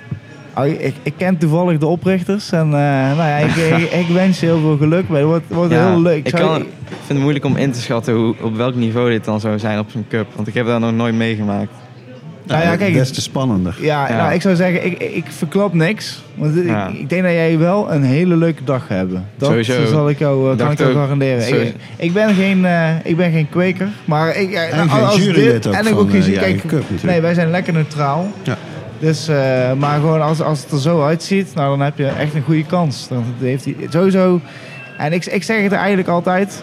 Op het moment dat je ingeschreven bent, eh, eh, hebt voor de cup, dan, dan zit je eigenlijk al in de kwalificatie. Ja. Weet je dan kan, er, dan kan er van alles gebeuren. De ziektes, eh, er kan, de politie kan langskomen, weet je wel, eh, toevallig. eh, eh, de- maar, eh, of onderweg, zelfs onderweg naar de cup zelf, op die Is dat dag, gebeurd? Ja. zijn de mensen aangehouden met een eh, wiet. Dus dan stijgen je kansen automatisch. kijk eens, op het moment dat je dus echt aankomt op die dag, op de locatie, je hebt die wiet ingeleverd Dan en je ben zit klaar, eh, Dan ben je er zit, en je zit klaar om te jureren, ja, dan zit je in de finale. Weet je wel? Zo, zo wil ik het ook dat iedereen zich ziet als al finalisten. En je mag wel eigenlijk al trots zijn als je erbij bent. Want dan heb je al best wel gestreden voor de plant. Ja. Om het zo maar te zeggen. Dus eh, ja, ik, ik, ik, ik, ik zou zeggen, ja, we moeten het niet al te lang maken. Ik ga wel vragen of dat ik straks van eentje een jointje Ja. zou mogen draaien. Want dat ziet er heel sappig uit. Maar eh, Ik heb een, een laatste vraag dan Ja? voordat we gaan eh, wisselen naar onze volgende gast. Eh, zijn er nou een soort onderwerpen of gasten of thema's waarvan jij denkt... dat Oh zou ja, ik wel we willen kunnen horen gewoon eens een keer eh, Eh, feedback bij vragen. de IT-podcast? Ja. Denk sowieso wel de Mean Green Exotics. Die volg ik al best wel lang. Een leuk Mean Green account. Exotics. Ja, Ja, ja. dat is, eh, uit, eh, uit Rotterdam komt die volgens mij. Klopt, ik ken, of nou, ik ken ze niet goed. Ik heb ze één keer eh, mogen spreken. Ze zijn hele toffe gasten bij Mixers. Ja, En, gaan we eh, proberen. Ja, dat gaan we zeker. Ik, ik heb ze nog niet gevraagd, maar eh ga ik zeker doen. Omdat ze toevallig een tijdje geleden, eh, kort geleden, bij de First Smoke of the Day eh, zijn ja, ze ja, geweest. met Kees. Heb ik nog even gewacht van... eh, ja, la- laat ik gewoon heel even wachten. Ze zijn ook op, weer opnieuw aan het opbouwen, hoorde ja, ik ze, ook. ze En ik- hadden aardig gebust hoor. ja, ze, zijn, ze hebben wat problemen gehad. Dus eh, ik, ik ga ze gewoon, als ze weer lekker op volle glorie zijn... Dan, en met nieuwe genetica, dan gaan we ze zeker even aan een, oude, aan een mouw trekken... of te vragen of dat ze willen aanschuiven. En inhoudelijk, zeg maar? Eh, Meer geschiedenis, meer kweken, meer, meer kweken voor mij. Ja, dat vind ik het kweken toch? interessant. Ja, hè? Nou, we gaan gewoon de beste breeders en Ja. de kwekers gaan we gewoon eh, Die uitnodigen. blijven we het is zoeken leuk. en het eh, is voor ons ook elke keer superleuk en we leren er ook weer van. En, eh, en hopelijk dat de luisteraar er ook eh, van leert. Ik, eh, ik dank je wel voor het komen, man. Ja. Ik vind het echt, echt zo oprecht Ik ook. tof dat je hier eh, heen bent gekomen. Waar kom je eigenlijk vandaan? Als je Uit niet... Tilburg gewoon. Oh, lekker ook. Ook een thuiswedstrijd voor jou. Nou, helemaal top. In het schone Tilburg. Ja, dan, eh, dan wil ik je vragen om eh, de switch te voor doen. de, de de wisseltruc volgende doen. gast. Toppie, man. Ja, dat is ook leuk. Die, die, die kwam ook, eh, de volgende gast kwam ook binnenlopen. Keurig op tijd eigenlijk. Hè? Echt precies om twee uur. We zouden oorspronkelijk om twee uur beginnen. Dat hebben we niet helemaal gehaald. Maar we hadden eigenlijk ook wel rekening gehouden met de enige eh, extra Brabantse kwartiertjes. Wie kent ze niet? Ja. Maar eh, ja, daardoor konden we ook van tevoren al een soort voorgesprekje hebben. Super professioneel eh, met onze volgende gast. Plant Savant, welkom. Ja, hallo, eh, dankjewel. Eh, Vertel eens, geef eens een kleine introductie eh, van jezelf. Plaats jezelf fijn bij de microfoon. Maak Ja. jezelf comfortabel. ja, ja, dat is beter. Waar Ehm, kom je vandaan? En... Ja, ik kom uit Utrecht. Oké, Dus, eh, oké. dus je hebt echt even nog wel een stukje moeten reizen. En eh, ah, nou, welkom. En eh, tof dat je in ieder geval hier bent aangeschoven. Ja, dank je. Ja, ik was rond een uurtje of twaalf vertrokken. Toen kwam ik pas twee uur aan, want de trein had net vertraging. Sh- Oh shit, ja dat, ja, dat is alweer het OV, hè? Ik, Ja, precies. ik, daarom ga ik met de auto gewoon. Ja, auto is duur, joh. Dat, eh, dat ga ik echt niet doen. kan echt niet meer auto, hè? Hey, Nee, het, precies. eh, Dat vervuilt. het is 21ste eeuw, Rens. Of het gaat kapot. nou ja, ik zal, ik zal mijn luisteraars vertellen. Ik, ik moet misschien ook nog een stukje verwerking. Jazeker. Ja, ik, ik, ik, ik, ik heb een grote liefde met eh, mijn eh, Volkswagen bus. Die ik al eh, bijna negen jaar rij. Ik heb daar ongeveer of, bijna ook 300.000 kilometer mee gereden. En eh, ik ben er echt overal mee geweest in Europa. Helaas, na heel veel jaren heeft, eh, heeft, eh, heeft hij besloten om een andere weg op te gaan. Onderweg naar het VOC-kantoor. Onderweg naar het VOC heeft die, hij eh, gedacht van Rens, ik kap ermee. De geest gegeven. De geest gegeven. Ik heb hem, ja, dus ik heb hem begraven. En we hebben een nieuw beestje gekocht. Dus bij deze wil ik het allemaal ook even... Ja, dan moet ik toch even mijn hart opluchten. Het was een zware bevalling. Maar, Maar, eh, Rens, dit is niet eh, de nationale autoshow. Oké, excuses. We gaan weer terug naar de gast. Terug naar de plant en terug naar de gast. Plantse sowieso een toffe naam. Hoe kom je daarop? Ja, dank je. Ehm, ja, ik dacht, eh, nou ik ben zelf al eh, zo'n 17 jaar met planten bezig. En eh, pas eh, een aantal jaar geleden in de wiet gerold eh, vanuit de sierplanten. Oh, wauw. Oh, Ehm, vet. ja, dus eh, Hoe, hoe ben je ermee begonnen dan, sowieso, sierplanten? Maar dan praten we over bonsai-planten? Of, eh, onder andere ja, zo'n beetje alles. eh, dus eh, toen ik een jaar of zeven was, zag ik een keertje een plantje dat ik zelf had gestekt. En dat in- interesseerde me zo dat ik dacht, nou hier moet ik echt meer van weten. En eh, ja, van het een kwam het ander. En, eh, ik eh, werk al een tijdje in de plantindustrie, dus eh, ja, ik vind het echt heerlijk. Ja, deze plant is natuurlijk niet zomaar een plant. Nee, inderdaad. Ja, ik moet ook zeggen dat ik al eh, sinds ik eh, een jaartje of acht, negen ben of zo, wist ik stiekem wel dat ik gewoon een eh, stoner was. Want toen was ik in de growroom van een tante geweest. Er stonden vijf van die grote sativa planten, echt Aha. minstens twee meter. dat stond daar binnen en ik dacht, wauw, je, zet- je zet hier gewoon een hele kamer vol met planten. Ja, dat moet ik ook gaan doen. Ja, dat is top. Hè? Ja, zeker. Ja, dus, eh, maar toen heeft het nog steeds eh, tien jaar geduurd voordat ik dacht, eh, want ik was op mijn negentiende begonnen met blowen. Eh, voordat ik dacht, dus, eh, Verstandig. ja, Dus precies. eh, Adviseren we iedereen ook. Ook bijvoorbeeld Simon, zijn- de zoon. Ja, ja, die heeft zich daar toch mooi aan Die gehouden. heeft ook nooit, nooit één hijsje. Jawel, oh, oh, oh, oh, oh, dat hebben we zelfs Ja, nu, onthuld, nu ga ik inbreken, Nee, dat is niet waar. Voor zijn negentiende. Ja, Ah, precies. nee, klopt. ik, ik heb lekker lang gewacht. Op advies van pa. En dat is ook mooi. Ik vind, dat, ik vind dat een van de mooiste dingen. En ook ik zelf, ik zal je even kijken, ik heb misschien op mijn 15 of 16 heb ik toen al eens een keer met wat vriendjes een jointje gerookt en een paar hijsjes. Maar echt, gewoon dat ik wel echt ging blowen. Was ik ook pas 19 of zo, dat ik echt dacht van, eh, nou ja, een soort, het is- ja, je hersenen zijn ja, toch nog in... wacht er nog eventjes mee. Ja. Daarom. Advies van een stoner, gewoon eh, niet roken. Ja. Allerbeste, het blijft meer over jullie. ja, inderdaad. Dat zeker. En vooral niet met tabak beginnen. Dat is nou misschien wel een nog belangrijker advies, zou ik zeggen hoor. Ja, zeker. Maar Maar hoe zit dat met jou? Ben je vanaf het begin puur aan het roken of nee, eh, noodgedwongen omdat het nou ook niet meer mag in de shop? Hoe zit dat? Ehm, nee, ik rook eigenlijk meestal wel met tabak. eh, want eh, dat is omdat eh, de meeste die je in Utrecht kan krijgen, dat is niet echt, eh, niet echt eh, goed genoeg om puur te roken, vind ik zelf. Dus vandaar dat ik het een beetje verdun met tabak, om het zo te, eh, toch rookbaar te maken. Maar ja, ik heb ook wel een uh, speciaal soort tabak uh, die ik ervoor gebruik. Dat is Mohawk. Dat is uh, gewoon onbewerkte tabak. Dus uh, dat is gewoon veel beter voor je keel ook en waarschijnlijk minder verslavend. Nah. Dat, dat, weet ik natuurlijk niet zeker. Je blijft, maar je blijft mij is het allemaal bullshit. slaaf van die saaf. Ja, dat is zeker, Ja, zeker. waar. Ja, het is nooit goed voor je, dat is Nee, inderdaad waar. Ja, nee, Dat zou je ik, inderdaad niet doen. ik, eh, ik, ik zou het echt, maar ik zou het ook echt iedereen aanraden om, om, om, om puur te roken. En vooral ook als je zelf kweekt. Ik bedoel, dan eh, zou je in ieder geval moeten beginnen om je eigen wiet die je zelf kweekt, om die wel puur eh, te roken. Ja, zeker. Nee, uh, eigen kweken, dat ga ik niet vervuilen met tabak. Ja, dat is wel goed om te horen. Ja, dan, dan, ja, dat zijn allemaal stappen. Maar Ja. kijk, wij moeten denk ik echt voor waken, Rens, dat nou wij zelf eindelijk gestopt zijn met die tabak, dat we mensen de les gaan lezen over die tabak, zoals dat jarenlang bij ons ook is gedaan. Ik wil de les niet lezen. Nee, ik wil ze gewoon echt doen, een goede tip. Want ik vind het gewoon Ja. een mooi figuur. Ik denk, die jongen, Zeker. die maar moet juist zijn... Want ik, ken Mohawk eh, best wel goed. Ik ken die tax tabak zijn. Dat is echt net zo rotzooi als gewoon andere eh, tabak. Moet ik eerlijk bekennen. Zitten zonder additives.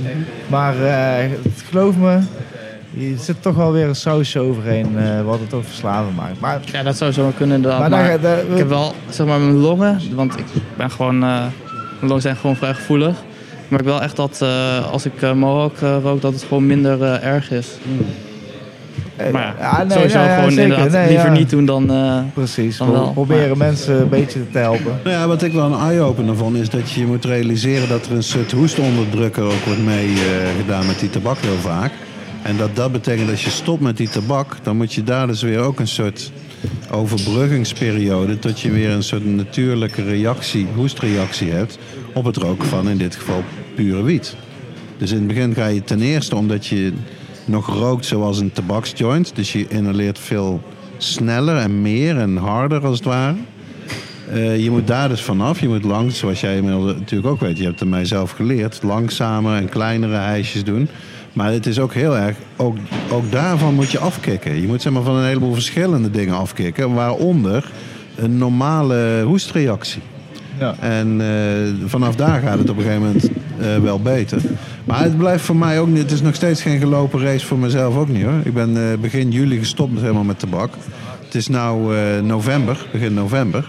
Maar ik zou nog zeker niet durven claimen dat ik er echt voor goed vanaf ben. Dan wil ik toch wel liefst een jaar uh, droog staan, op zijn minst. Ja, ik ook, ik ook. Ik heb echt gisteren nog toevallig dat iemand mij een hashjoint aanbood. Dat bedoel ik. En toen dacht ik, ja, dit, dit, wil ik niet, weet je wel. Dit zijn van die momenten dan... Dit, van die dit, duivelse dit momenten. toontje zwakt is als het... Uh... Maar ik moet wel zeggen... Terugval, terugval. Ja. Nee, maar in ieder geval... Ik, moet, laten we het vooral even over mutaties hebben. Ja. Laten we het daar eens even over hebben. Ja. Kunnen we het nou niet eens even over mutaties, mutaties hebben? hebben? Daar hebben we het nog nooit over gehad. In de, in de 50 jaar. Wat bedoel maar, je daar precies mee, sowieso? Nou, uh, voor de luisteraar. Plantmutaties. En dat is eigenlijk, en ik ben, uh, jullie gaan me het daar veel beter vertellen, maar hoe ik het zie, zijn bepaalde varianten van cannabis die eh, zeldzaam zijn, die, die, die je niet alledaags ziet.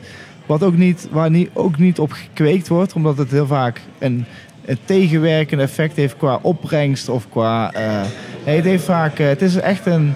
Nou ja, het is mooi hoe jij het al zegt. Het is eigenlijk bijna een sierplant, is het. Ja, nou ja, op dat het soms neg- neg- negatieve effecten heeft, daar moet ik zeggen, dat is bij sommige planten wel zo, bij andere planten niet. Dat ligt meer aan de fysiologie van de plant, dus echt de bouw van de plant. Ja, oké, oké. Ja, Want eh, precies. je hebt bijvoorbeeld de ABC, de Australian Bastard Cannabis. Die heeft eh, een soort van kleine afrootjes, lijkt bijna op peterselie. Eh, maar eh, die, heeft inderdaad, die brengt wel minder op. En dat is omdat dus eh, de epidermis, de buitenste cellagen, die hebben een mutatie waardoor die eh, veel kleinere blaadjes heeft en ook eh, veel andere topjes. En dat is dus minder efficiënt om te groeien dan eh, bij een normale wietplant. En daardoor brengt hij inderdaad minder op. Maar bijvoorbeeld met de duckfood heb je dat probleem niet, omdat het alleen een verandering van de bladvorm is en dus niet van de hele plant. Die heb ik zelf ook wel een keer gekweekt. Ja. Dat is wel een bizarre plant, hè? die duck, eh, duckfood. Ja, maar- zeker. Ja, er maar- staat er eentje op eh, tafel hier, dus eh, Oh, dat is gewoon een duckfood. Ja, inderdaad. Ja, dat is wel- hij heeft namelijk gewoon zelfs een plantje meegenomen. Ja, geweldig. En, en, en, en- Klein maar fijn, dat wel. ja, Ja, ja, precies, heel eh, schattig. ja, hij is gewoon wel al in de bloei, of niet? ja, zeker. Ruikt er lekker aan. eh, ik, eh, ik vind hem zelf heerlijk ruiken. Ja, dat is eh, de Lemon Alien. Dus, eh, die is van eh Kali Seed. Eh, dat is een eh, vrij complex verhaal hoe die is ontstaan. Maar eh dit is dus, vind ik zelf, een, eh, deze is super resistent. Net zoals de meeste andere Kali Seed strains. Want die worden allemaal buiten gekweekt eh, sinds de laatste 15, 20 generaties. Dus eh, er zit heel veel selectie in tegen toprot en meeldauw. Dus die kan je echt gewoon... Heb ik zelf eh, twee keer gedaan. Tot in eh, december eh, gekweekt en de toen pas geoogst in de eerste twee weken van december. Ja, dan eh, hoor je de meeste andere mensen inderdaad al rond september en zeker oktober al eh zo over toprot. En ik ben eh, tot rustig tot in december eh, aan het kweken. Oké, wauw. Dat is wel interessant. Maar om, eerst even terug te gaan. Hoe ben, je- ben jij echt van sierplanten toen... Wilde jij gaan kweken? Of ben je, je, werd, je werd een beetje geïnteresseerd in cannabis? Of Je zag gewoon- wat het kostte bij de koffieshop. Ja, hoe, Ja, Dat kan ook een eh, argument zijn natuurlijk. Nou ja, eigenlijk was het meer dat ik eh, merkte hoe slecht de kwaliteit in de koffieshop was. Dat ik dacht, nou ik moet toch wel echt eh, zelf Kan gaan ook kweken. een argument zijn. Dat is een hele goeie. Dat is een hele goeie. En ik moet zeggen, ik was ook gewoon zelf interessant van wat is nou precies het scala aan verschillende soorten in eh wietplanten. Want er is een gigantische variëteit. Terwijl eh, in de koff- meeste coffeeshops zie je maar vijf of tien strains. eh, en dat is gewoon niet zo heel interessant na de, na de drie jaar of zo eh, blowen. Dan denk je, ja, dat heb ik allemaal wel gezien. Ik wil eens wat anders. Maar- echte haze Maar bijvoorbeeld. heb, je, heb jij dan echt, echt over smaakprofielen? Of heb je het echt alleen over de structuur van de plant? Eh, ja, over allebei. eh, want, eh, ik, ik ben gewoon hartstikke benieuwd naar wat precies het hele scala is binnen de wiet waar je mee kan werken. Want als je dat eenmaal weet, dan kan je dus ook kiezen welke richting wil ik op, wat wil ik ontwikkelen. Want nu ben ik bijvoorbeeld van plan om met de Giant Purper, dat is er eentje met enkele blaadjes. Dus zeg maar nog iets verder dan de Duckfoot. Die heeft zeg maar drie of vijf blaadjes aan elkaar. De Giant Purper die heeft één heel groot eh, blad, dus niet eh vingerblad. Wauw. En eh, ja, die groeit dus even hard als een normale wietplant. En die is ook super resistent al. En die wil ik dus gaan kruisen met bijvoorbeeld Purple Haze en ja, Hot soorten. Ja. Dat is Ja, ik, heb deze niet zien aankomen, eh, moet ik je Ja, eerlijk top, bekennen, man. Dirk. Eh, moet zeggen, maar dit is wel echt heel cool. eh, eh, Eh, want- juist als je al zo lang bezig bent met planten, denk ik dat je ook niet zozeer terugschrikt voor iets als kruisen. Wat bij volgens mij heel veel thuistelers die denken, inclusief een beetje mijzelf, van ja, Jezus, eh, zelf plant gaan kruisen voordat je dat weer stabiel hebt en een hoop gedoe en dat kan ik niet. En, maar dat is voor jou misschien anders dan. ja, het is voor mij inderdaad wel anders. Maar wat ik ook altijd tegen andere mensen zeg is... eh, ja, als, als je wil kruisen of als je twee leuke soortjes hebt... en je hebt gewoon een mannetje en een vrouwtje... gooi ze gewoon bij elkaar en je ziet wel wat eruit komt. Er komt altijd een mooie verrassing uit. Dat sowieso. Ja, dat wel. Nou ja, en dat is natuurlijk de grap. Als jij niet een, eh, een commerciële zadenbedrijf bent... dan is het, is het niet zo interessant dat je niet een honderdduizend keer reproduceerbaar zaadje hebt. Nee, inderdaad. Dan kan het echt misschien leuker zijn om eh, elk jaar weer een andere verrassing... bij wijze van spreken te kunnen kweken. Ja, precies. De ene keer lijkt het misschien meer op koers, de andere keer eh, meer op haze of eh, weer iets anders. Maar heeft het bladprofiel, waarom is het bladprofiel eh, zo bijzonder? Is het, maakt, het, maakt het daardoor het minder schimmelbestendig? Of is het gewoon meer zodat hij minder opvalt? Ja, dat is inderdaad zodat hij echt veel minder opvalt. Want hij lijkt eigenlijk gewoon heel erg op een brandnetel, maar dan met een beetje paars erin. Eh, dus eh, dat kan je natuurlijk gewoon ergens in de bosjes gooien. Ja. Dan denkt iemand, oh, dat is vast een brandnetel. En die kijkt echt gewoon twee, geen twee keer naar. Dat is met die duckfeed al een klein beetje, maar die is toch wel best wel herkenbaar nog als wietplant. Ja, Maar, zeker. eh, Omdat hij zeker in de bloei ook die puntjes heeft. En Ja. natuurlijk nog de klassieke toppen. ja, precies. Ja. Ja, en ook het toeval is, kijk, het is dat je, je zit hier toevallig, maar ook het toeval is dat Dirk voor de eerste, of in ieder geval voor mij, nee, je hebt het waarschijnlijk al eerder gehad. Weet ik niet trouwens, maar voor mij was het in ieder geval de, Ja, weer dat, de dat eerste keer. fasciatie. Wat je inderdaad in Nederland noem je dat bandgroei, geloof ik. Hè? Ja, inderdaad. eh, of eh, kamvormige toppen. Kam, ja, ja, Ja. kamvormige toppen. Dat, dat, dat had ik dus voor het eerst. Waarbij je al heel snel ziet van, nou, dit is eh, heel raar. En dat is ook weer een beetje de power of internet of de power of Twitter. Toen dat echt duidelijk was, heb ik gewoon een fotootje op internet of op Twitter gezet. Eh wat de hel eh, is dit? Weet iemand wat dit is? Nou, dan kreeg je al Kan snel iemand terug. even zijn plant hier bij de ballenbak ophalen? Ja, eh, dus toen kwam de Engelse term fasciation, dus niet fascination met een N, maar zonder N. Wat in het Nederlands ook gewoon vertaald kan worden als fasciatie. En dat is die kamvorming, zeg maar. En dat bij mij althans, want het heeft dus een beetje verschillende verschijningsvormen. Maar kon je het zien dat hij heel veel blad ging produceren. Echt extreem. Heel anders soort vorm plant. En hij ging ook draaien vanaf de stam. Ook heel erg gek. Hij werd een beetje eh, platter vanuit de stam, alsof hij afgeklemd was. Ja, maar dat deed hij inderdaad. allemaal vanzelf. Ja, nou, wat dat eigenlijk dus is, is dat het groeipunt in plaats van één punt blijft, wordt het meer een lijn. Dus eh Ja. het groeipunt wordt gewoon steeds breder en dat vermeerdert zichzelf ook eh, naar de zijkant. Ja, heel Daarom krijg je dus de topvorm. Die Kan. plant is echt magnifiek, hè? Wat Is een- wonderbaarlijk. Echt, echt Wonderbaarlijk. wonderbaarlijk, ja. Zeker wat je er allemaal mee kan. Echt, eh, Maar wat is, eh, heb, heb- ben jij al tot iets nieuws gekomen dat je zegt, ik heb een nieuwe, nieuwe manier of nieuwe structuur, ik heb iets gevonden wat... Kom je bij, wat is jouw, eigenlijk, wat is jouw ultieme doel met dit Eh. project, met jouw projectjes? ja, nou ja, gewoon wietplanten kweken die ik eh, ergens eh, aan het begin van het jaar eh, wat zaadjes neer kan gooien en dan aan het eind van het jaar kan oogsten. Zonder dat eh, iemand het door heeft wat het is. Dus eh, gewoon eh, lekker eh, makkelijk eh, mijn wietplantjes eh, kunnen maken zonder Soort- al te veel risico. Een soort undercover wiet, zeg maar. Ja, precies. Stiekem, stiekem wiet. Ja, ja. Dat is al, eh, hij is zo, zo creatief hoe die mensen, hoe, hoe de kwekers worden. Hè? Ik bedoel, als ze uiteindelijk weggejaagd worden. Jongen, wij veranderen gewoon heel die plant gewoon. Ja precies. we maken, we, Nog een paar jaar en het ziet eruit als een fucking cactus. En dan, ben- en dan in het midden zo ook moet je een luikje open. En dan zit dan... eh, Nee, maar dat is wel echt, dat is wel echt fascinerend. Ik vind het zo mooi. Ik moet zeggen, de eerste keer dat ik zo'n mutatie heb gezien... eh, was het bij... Toevallig bij Doede. Doede, kan dat? Die had zo'n duckfood eh, die- Ja, ja, voor de ja. eerste keer. eh, dus, nou ja, inderdaad. Voor mij was het toen al dat je niet Die zag. komt ook uit Friesland. Die is daar volgens mij gemaakt, die Oké. plant. Eh, nou, Oorspronkelijk. wat, wat ik had gehoord was, ja, dat is misschien de Frisian Duck, maar eh, dat, Ja. is, eh, dat is een kruising met Friesland, geloof ik, maar Dutch Passion. Maar de oorspronkelijke duckfood was volgens mij in Ferrara hemp gevonden in Italië. Dus eh, dat is echt al eh 15 jaar geleden bijna. Ja. Dat is dus blijkbaar in cultuur gebleven, maar pas een jaartje of 20 geleden, geloof ik, is dat echt op gang gekomen. Al is er ook een duckfood uit eh, Hawaii die blijkbaar ook al behoorlijk lang in cultuur is, dus die al heel lang eh, wordt gekweekt.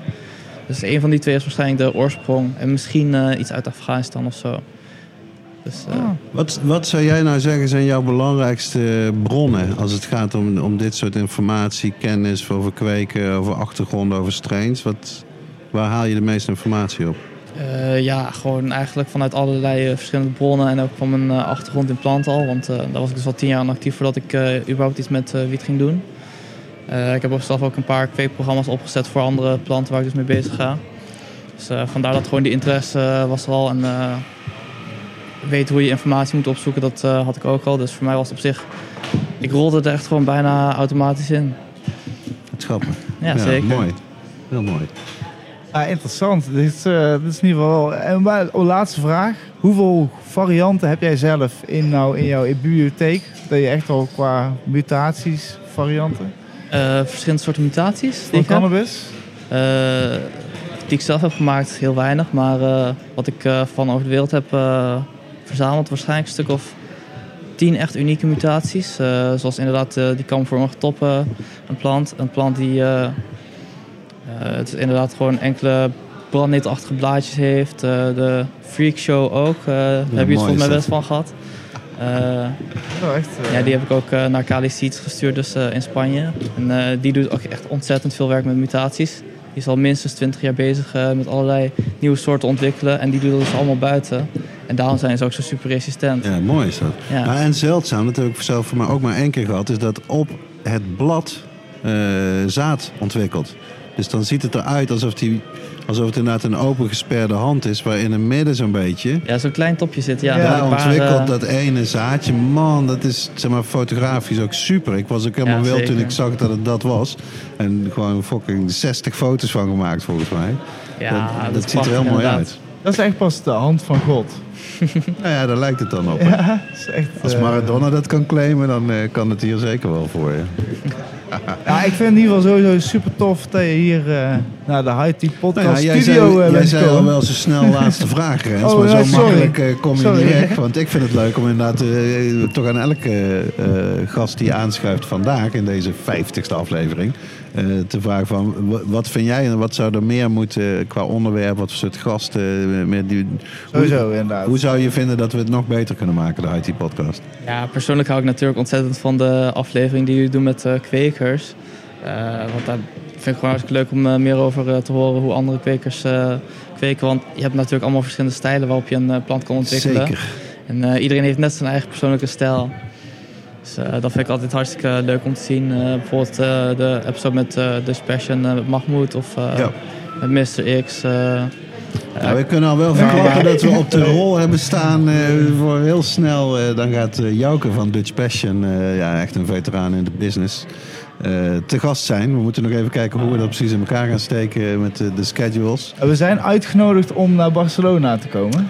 Ja, moeten we even kijken of we dat doen of dat we hem gewoon eh, lekker eh, in het eh, regenachtige Eindhoven gaan opnemen, die aflevering. Maar die komt er in ieder geval wel aan en dan gaat het zeker ook over ja, kweekgeheimen, strains, heel Ja, dat. Ja, maar het is goed, goed om te horen, want eh, de- wij vinden dat zelf ook interessant. Maar het is altijd het evenwicht wat je zoekt tussen eh, mensen die helemaal niet kweken. Is het voor hun ook nog enigszins om aan te horen? Ja, inderdaad. Je moet ook nog eh, dingen hebben die bijvoorbeeld maatschappelijk relevant zijn en zo. Ja. eh, Maar dan kijk ik dat, ook altijd gewoon een beetje. publiek. Dan kijk ik naar onze technicus en mijn jongste zoon Simon. En als zijn ogen echt glazig worden, dan gaan we gewoon naar de volgende rubriek. Of in dit geval eh, de volgende gast. Hè? Ja, ja. Ik zou Dankjewel. zeggen, Dankjewel voor het aanschuiven. Ja, graag gedaan. Pak nog een lekker theetje. Ja, kom goed hoor. En, eh en ieder geval leuk dat je ook die plant hebt meegenomen. man. ja, top, precies. eh, top. degene die hem wil hebben, die mag meenemen. Oké, ja. ja, dat is wel cool. Very cool. Dankjewel. Ja, graag gedaan. Oké, Dan- dan gaan we wisselen. Dan gaan we even wisselen van de wacht. Maar wij eh, lullen het ondertussen eh, sowieso wel gewoon vol. Na 49 afleveringen lullen we het gaatje eigenlijk eh, op elk gewenst moment eh, vol. Welk gaatje er ook valt. Wij Ik ben vol. tegenwoordig in de wc nog aan het lullen. En dan wil ik daar nog de stilte... En tegelijk ben jij weer een lekker vers kopje thee van eh, de Grass Company aan het uitschudden, Ik ga zie daar ik. pissen, jongen. Dat Echt, wil je niet weten. Dat Als een vorst. Nee, Oké. we- onze eh, derde, maar niet eh, last but not Last but not second eh, least. eh, onze gast. Oh, ik zie je, zie je, je paraplu valt op de grond. Parasol. Parasol. Parasol. Maar eh, hij is, hij zit klaar. Hij hoort. Zit je lekker? Ik zit er eh, goed voor. Ah ja, we kunnen hem alvast introduceren, alvast. Eh, Zeker weten. Ehm, Hij is ook al eens behandeld in een van de nieuwsonderwerpen. ja, het zou heel professioneel zijn als ik nou het nummer zou kunnen noemen, maar dat weet ik eerlijk gezegd niet uit mijn hoofd. Dat eh, moet hij ons eh, schuldig Maar het eh, verhaal, laten. ja, mede dankzij RTL Nieuws en ook de Highlife eh, is het verhaal denk ik wijd en zijd bekend bij in ieder geval een deel van onze luisteraars. De man van de ene wietplant, Robin, welkom in de show. Dankjewel, eh Dirk. Fijn dat je, ja, je bent helemaal vanuit Veldhoven hier naartoe komen fietsen, geloof ik hè? Ja, ik hou heel erg eh, van fietsen. Ik vind fietsen natuurlijk al... ja, dat geeft je wel gewoon een frisse mind, zeg maar. Absoluut. Ehm, ja, blowen, zeg maar. eh, dat geeft je weer een rustige, kalme mindset. Ehm, ja, op de fiets eh, heb ik al heel veel van het land gezien. Onder andere ook heel veel coffeeshops dus. ja, Ehm, Nou ja, want dat, dat, dat zal ik ter introductie nog even vertellen. Wij kennen elkaar eh, inmiddels een jaar, denk ik, of zo. Ja, sinds, voor, ja, sinds dat akkefietje met die wietplant heb ik op een gegeven moment contact opgenomen met eh, het VOC. Ja, en eh, dat gebeurt natuurlijk vaker dat mensen bellen of mailen. Mensen met speekseltest gepakt, rijbewijs kwijt, huis uitgezet, medicinaal. We krijgen van allerlei mensen en die proberen we allemaal naar best te kunnen in ieder geval door te verwijzen of te helpen. En in jouw geval was het verhaal eigenlijk nog schrijnender en ongelooflijker dan het gemiddelde verhaal wat we bij VOC binnenkrijgen. Namelijk, jij had één wietplant gekweekt, maar die had je dus niet eens in je eigen huis of zelfs in je eigen tuin gekweekt. Die had je in het bos gekweekt. En die, die hing alleen maar te drogen in jouw huis en ook pas nog maar heel kort. Toch? Ja, letterlijk één dag. Ja. En eh, ja, die hing eh, in het trappengat te drogen. En ik had de takken al van de, van de hoofdstam afgehaald. Eh, die hoofdstam die lag in de prullenbak. Die hebben ze uiteindelijk niet in beslag genomen. En eh, ja, aan de hand van, van die foto met, met de in beslag genomen wiet en het aantal takken... heb ik uiteindelijk aan RTL kunnen aantonen van... hé, hey, luister, dit, kijk, kijk maar naar het aantal takken. Dit is gewoon maar één plant geweest. ja. Ehm, en als je ook... de eh, consequenties waren enorm. Die, die, een christelijke CDA-burgemeester, vrouwelijke burgemeester in de gemeente waar je toen woonde. En die, ja, eh, Damocles, geen, eh, ja, geen medelijden. Jij werd gewoon je huis uitgezet. Ja, en je krijgt eh, niet eens de kans om, eh, om je verhaal te doen. Nou ja, ik heb die woning tien jaar gehad. Dat was een, eh, een woning met zorgindicatie. Die had ik toen de tijd, eh, toen ik 23 was, heb ik die toegewezen gekregen. Eh, vanwege mijn Asperger. Ik kon op dat moment niet meer bij mijn ouders wonen. En dat waren dan ja, zogenaamd ja, woningen die beschikbaar waren voor bepaalde doelgroepen. En ik Ja. heb daar toen voor ingeschreven en een van die woningen daar toegewezen gekregen. Ehm, ja, het is daar altijd gewoon rustig geweest, zeg maar. Westerhoven is ja, vrij rustig dorp. Eh, ligt wat dat betreft ook gewoon niet heel ideaal. Destijds ook niet voor mijn werk, want ik moest heel veel eh, in het land zijn. Eh, en heel veel mensen in Westerhoven hebben een tuin. Bijna iedereen woont op de begane grond. En ik was een van de weinigen die op de eerste woonde. En alleen een balkon had. Dus nou ja, dat, dat was ook al gewoon de reden om mijn plant in het bos te gaan kweken. Ja. Ehm, ja, en dan word je dus gewoon... Ja, ik heb daarvoor ook altijd in Westerhoven gewoond. En dan word je dus gewoon je huis uitgezet voor, eh, voor één plant die ze één gewoon, eh, die ze gewoon eh, nat op de weegschaal hebben gelegd. ja. En Dat ja, kwam er inderdaad nog bij. Dat je dan eens tot een bizar gewicht komt. Ja, vergeleken met wat er van overblijft als je het droogt en de takken en alles natuurlijk eraf haalt. Ja. Nou ja, de politie beweert dat ze het zonder takken hebben gewogen, maar weliswaar met blad. En ze zeggen ook dat het inderdaad ongedroogd was. Eh, en dan zeggen ze nog van een, eh, dan spreken ze eh, van een netto gewicht. En dan denk ik van ja, hoe kun je daarvan spreken als je het, als je het nat met blad op de weegschaal legt? Zelfs zonder tak, wat zij dan beweren. Ja. Dus ehm, ja, ik bedoel, het, het- en, en het was ook mijn eerste, ja, mijn eerste strafbare feit met Ja. de opiumwet, zeg maar. En eh, bij het OM is ook niks bekend. Die, die zaak is ook nooit eh, strafrechtelijk voorgekomen. Het is alleen bij bestuursrecht gebleven. Het is nooit eh, overgegaan naar strafrecht. Dus wat dat betreft, ik krijg nog overal gewoon netjes een VOG voor. Dus dat is... Een soort geluk bij een ongeluk. ja, dat, dat dan wel, want dat zou er ook nog eens bij moeten komen, weet je. Ja. Ik bedoel, ja, ik heb laatst zitten denken, misschien, ja, hopelijk luisteren er geen ambtenaren mee, maar ik zou misschien nog vervolgd kunnen worden voor stroperij, omdat ik iets uit het bos heb meegenomen. Nou, ook jouw eh, eigen plant. Ja, maar zeg, ja, maar ik hoop niet dat die zaak dadelijk nog voor de rechter komt, want eh, nou, het was in mijn eigen plant inderdaad. Maar, Maar ja, het is, sowieso is het natuurlijk absurd. En ik denk dat dat ook mede de reden is. Er zijn ook echt kamervragen gesteld over deze eh, zaken door D66, geloof ik. ja, dat waren Van Nispen en Sneller, die Ja, twee politie. SP eh, en eh, D66. SP en ja. D66 inderdaad, ja. Maar ja, ehm, eh, ja, ik heb jou geïnterviewd. Dat stuk heeft in Highlife gestaan. Eh, RTL Nieuws eh, is langs geweest, heeft het verhaal gebracht. Kamervragen zijn gesteld. Maar jij belde mij van de week en je zei... ja, wat je dan uiteindelijk... wat is mijn resultaat? Eigenlijk nul. Je bent eigenlijk niks meer opgeschoten. Ja, behalve dat het de publiciteit heeft gehaald en ja, dan natuurlijk een groot deel van het publiek eh, een mening over heeft gevormd en dat het toch weer aan de aandacht is gebracht om heel het cannabis, cannabis Ja. debat toch weer eh, Hoe krom het is, hè? op gang te krijgen, zeg maar. Ehm, nou ja, kijk, ik bedoel, het wordt medicinaal voorgeschreven, maar alleen aan bepaalde types, bepaalde groepen patiënten. Ehm, en als je daar baat bij hebt, eh bij wijze van spreken, als je, als je autisme hebt eh, of ADHD of... eh, Het geldt dan niet als officieel kwalificerende ziekte, zeg maar. nou ja, kijk, ik, ik merk, en dan moet ik ook gewoon eerlijk zeggen, ik heb daar gedurende mijn leven mee om moeten leren gaan met, met cannabis. En ik weet ook gewoon, er zijn verschillende wietsoorten en daar reageer je Ja. even net iets anders op. En als je op een gegeven moment je draai hebt gevonden, en je weet ook gewoon van, hey, die, die buitenwiet is wat minder sterk dan die binnenwiet. En als je dat dan ja, op een goede manier eh, droogt en keurt en je hebt daar eh, ja, uiteindelijk goede wiet Ja, voor. dan zit je Eh, goed. ja, dan, heb je ook, dan weet je ook zeker dat er niet allemaal stofjes aan toe zijn gevoegd. Dan is het allemaal biologisch, puur natuur. Het scheelt ook een hele hoop brandstof op wanneer je iedere keer naar de koffieshop om, om Ja, iedere keer alleen vijf dat gram te ja. moeten halen. Weet je, ik bedoel, ehm, alleen al het verkeer op de weg is om iedere keer naar de koffieshop te moeten. En nou doe ik ja, eigenlijk het afgelopen jaar alles op de fiets. Ehm, Ja, dat is wel een uitzondering toch, ja. ja, de, dat, de eh, ik meeste mensen zullen daar wel eh, de dat- auto verpakken. hè. Ik moet zeggen, dat was voor mij toen ook wel de reden waarom ik toen eh, eigenlijk me inzette voor een koffieshop in, Nederland, of in Veldhoven. Ja, ja, ja.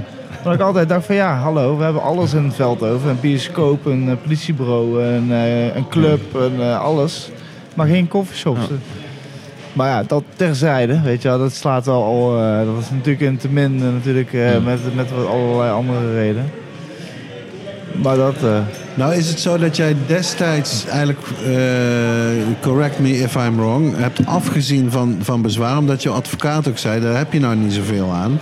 Omdat die urgentie eigenlijk ontbrak om daar een kort geding, geloof ik, tegen aan te spannen, toch?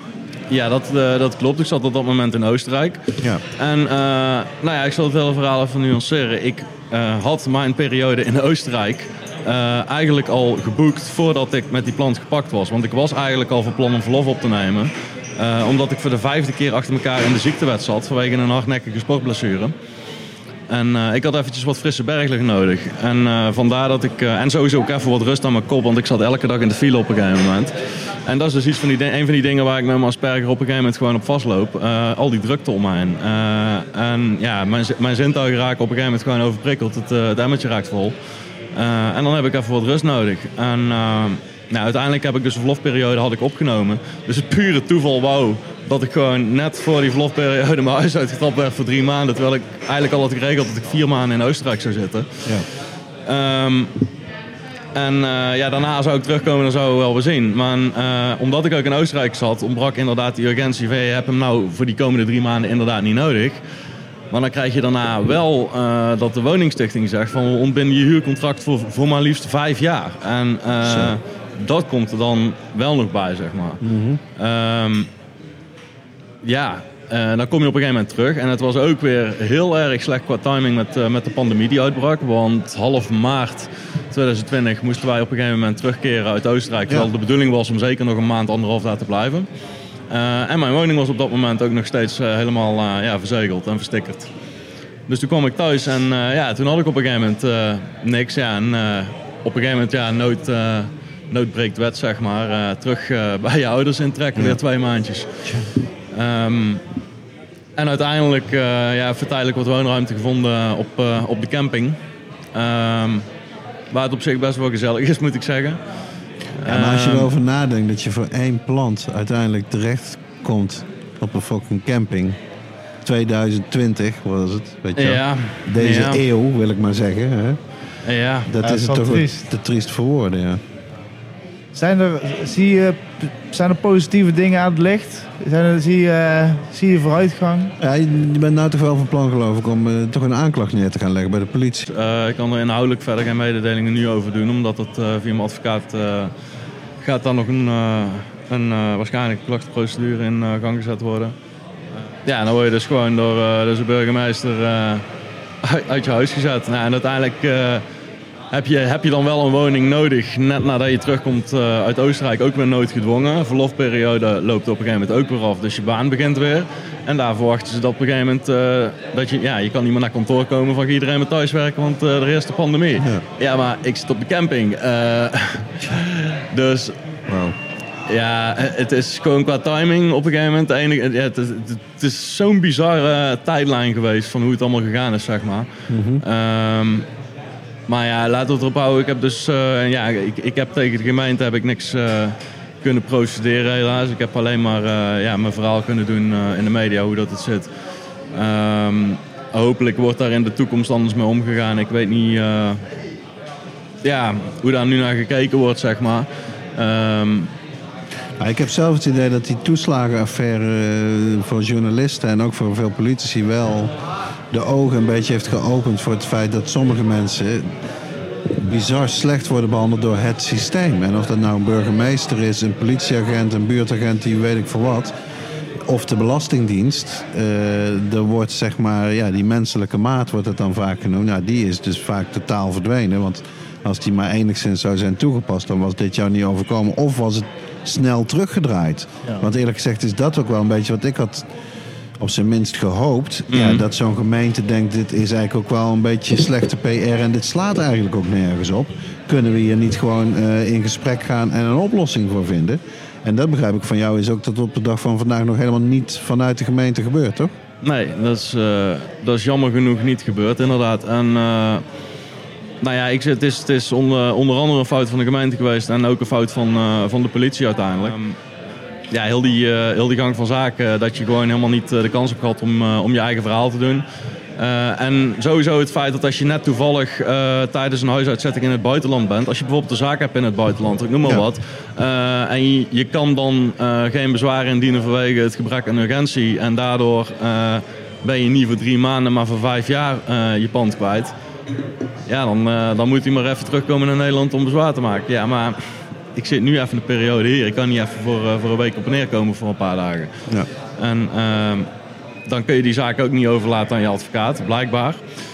Ehm, ja, het is gewoon heel raar gelopen, ook in, in- ja, in com- combinatie met heel de pandemie, zeg maar. En ehm, ja, bij de, bij de gemeente valt eh, helaas geen recht te halen. En eh, we, gaan, ja, we gaan kijken, misschien... eh, hopelijk komen er sowieso ook landelijke wetswijzigingen eh, in Damocles 13b, want... eh, Ja. Toepassing erop slaat nergens op. En bovendien kunnen we ook, eh, want eh, er is ook nog een brief die wij, eh, die wij hebben waarin we mee kunnen aantonen dat er sprake is van willekeur binnen de gemeente Bekijk. En ehm, als we het hebben over willekeur, want dat is dan binnen de gemeente Bekijk, maar dat speelt natuurlijk ook landelijk, want je hebt gewoon de ene gemeente is de andere gemeente niet. Dus in de, in, in de ene gemeente, eh, GroenLinks, SP, D66, eh, PvdA, weet ik het, eh, word je niet je huis uitgetrapt voor één witplant. En in de andere gemeente, Ja, klopt. ja. eh, CDA bijvoorbeeld, daar word je meteen je huis gezet. Dus, dus dat is feitelijk al in, in strijd met de grondwet. En nou ja, ik, ik, ik ben wat dat betreft altijd gewoon, ik heb me veilig gewaand in het systeem als zeg maar van, ik doe niks verkeerd. Kom maar langs en als je, als je me toevallig weet te pakken met mijn ene plantje, ja, dan, eh, dan, neem, dan neem me maar in ja, beslag. precies zoals het gedoogbeleid natuurlijk nog Ja. steeds En ik, en ik moest de volgende dag op het bureau zijn. En ik denk, nou, hier kom ik dan formeel afstand doen van mijn plant Ja. dat is het. En vervolgens wordt er eh, heel de procedure Damocles in werking gezet. Ja, wat is dit nou weer, weet je wel. Ja. Dus eh, Absurd. Het blijft een absurd verhaal. En eh, ik kan me toch ook voorstellen, die Kamerleden, dat zij eh, ja, geen genoegen nemen met het feit dat als zij horen dat, dat jij uiteindelijk ook niets bent opgeschoten met eh, tot nu toe. Ja, dat ze daar opnieuw wat actie op ondernemen. ja, ik, ik, ik weet niet wat die Kamerleden persoonlijk om, voor mijn zaak kunnen betekenen, zeg maar. Want er is ook nog bijvoorbeeld de ombudsman waar je, waar je aanspraak op kan maken. Wat tot nu toe niet, eh, eh, ja, mijn advocaat nog niet heeft overwogen, zeg maar. Maar van de andere kant, eh, het is ook zo'n ja, rare zaak. Dat we niet echt weten hoe we het moeten aanvechten en tegen wie dan. En, Ja. want je zit niet met de strafzaak, je zit met de bestuursrechtszaak dus, blijkbaar. En Ja, je draait echt klem in het systeem. Wat, wat, wat heel absurde proporties eigenlijk heeft aangenomen. Dat is duidelijk. Ja. Nou, in elk geval wensen wij, denk ik, ik kan voor ons beiden spreken, Rens en ik, jou enorm veel succes en sterkte om die strijd eh, nog verder te voeren. En hopelijk rechtvaardigheid te vinden. Ja, verschrikkelijk. Maar eh, ja, succes in ieder geval. Dit, dit is ook in ieder geval ook een kant van het eh cannabisverhaal en het eh, huidige cannabisbeleid. Zeker. Als Deze, je, als je zeker woont in een woningbouwvereniging, huis, pas alsjeblieft op. Want waarschijnlijk heb je getekend voor een middelijke huisuitzetting bij elke vorm van teelt. Ja, En dat is dus ook één plant, bij wijze van spreken. Ja. ja, dus ja, het is echt ook inderdaad een grote waarschuwing voor iedereen. Ik zeg, we gaan naar eh, de oude doos. Ik, eh, wens, eh, ik dank je in ieder geval wel dat je helemaal naar fucking Tilburg bent komen fietsen vanuit ons eh, mijn eigen geboortestadje, Veldhoven. En valt nog een lekker theetje, rook nog een lekker jointje. En dan gaan wij die show verder door. Yes, heel veel succes heren. Dankjewel dat ik eh, te gast mag zijn. Eh, ja, Gras Company is eh, voor mij bekend terrein. Ik ga er Ja, meteen nog even iets, iets lekkers uit kiezen op de kaart. Even wat eten nog, want ja, van fietsen krijg je honger hè. Eh, zou, Dus, ik, zou ik zeker niet doen. Of eh, wel de mogelijkheden zijn, eh, zijn zeer ruim. Ja, zeker. Dat- Smakelijk voor wat. Yes, check ook allemaal even robinfietst.nl, want ik fiets alle plaatsen van Nederland af. Dat is En, cool, eh, hè? ja. Daar hadden we het niet eens over gehad. Goed dat je Zo, er ja. bent. Ja, Want, robinfietst.nl, ongelooflijk verhaal. Alle gemeentes van Nederland, alle dorpen en steden van Nederland... en liefst ook alle coffeeshops, toch? Nou, dat eh, zeg ik niet per se, maar ik heb er heel veel gezien, zeg maar. Ik ben, eh, ik ben ze niet bewust aan het afvinken, maar als ik toevallig ergens in de buurt ben, kijk ik welke het Oké, beste dus is. de, En, de, eh, de, de plaatsen wel, maar de shops niet, zeg maar. ik denk dat ik wel in elke grote stad van Nederland wel, en in elke kleine stad van Nederland wel ergens een koffieshop heb bezocht ooit. Ja, mooi man. En het brengt ook weer hele leuke aparte herinneringen met zich mee. Ja, dat geloof ik direct. Ja, ja, ja, ja zeker. Misschien moeten we daar nog zeker ooit nog een keer eh, over verder willen. Maar, maar in Check de Robin fietst.nl. .nl, yes. Dankjewel man. Yes. Oude doostijd.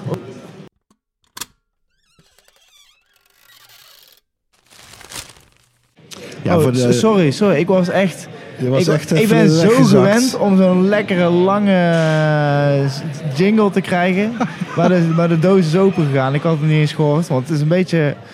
Het is lekker druk bij de Crest Company sowieso. Het is wel Dus, eh, gezellig, hè? Het is gezellig druk. Ja, man. Beneden zit ook stamvol. Dus eh, en ik geloof niet allemaal voor ons, maar dat is wel gezellig. Maar sorry Dirk dat ik in deze...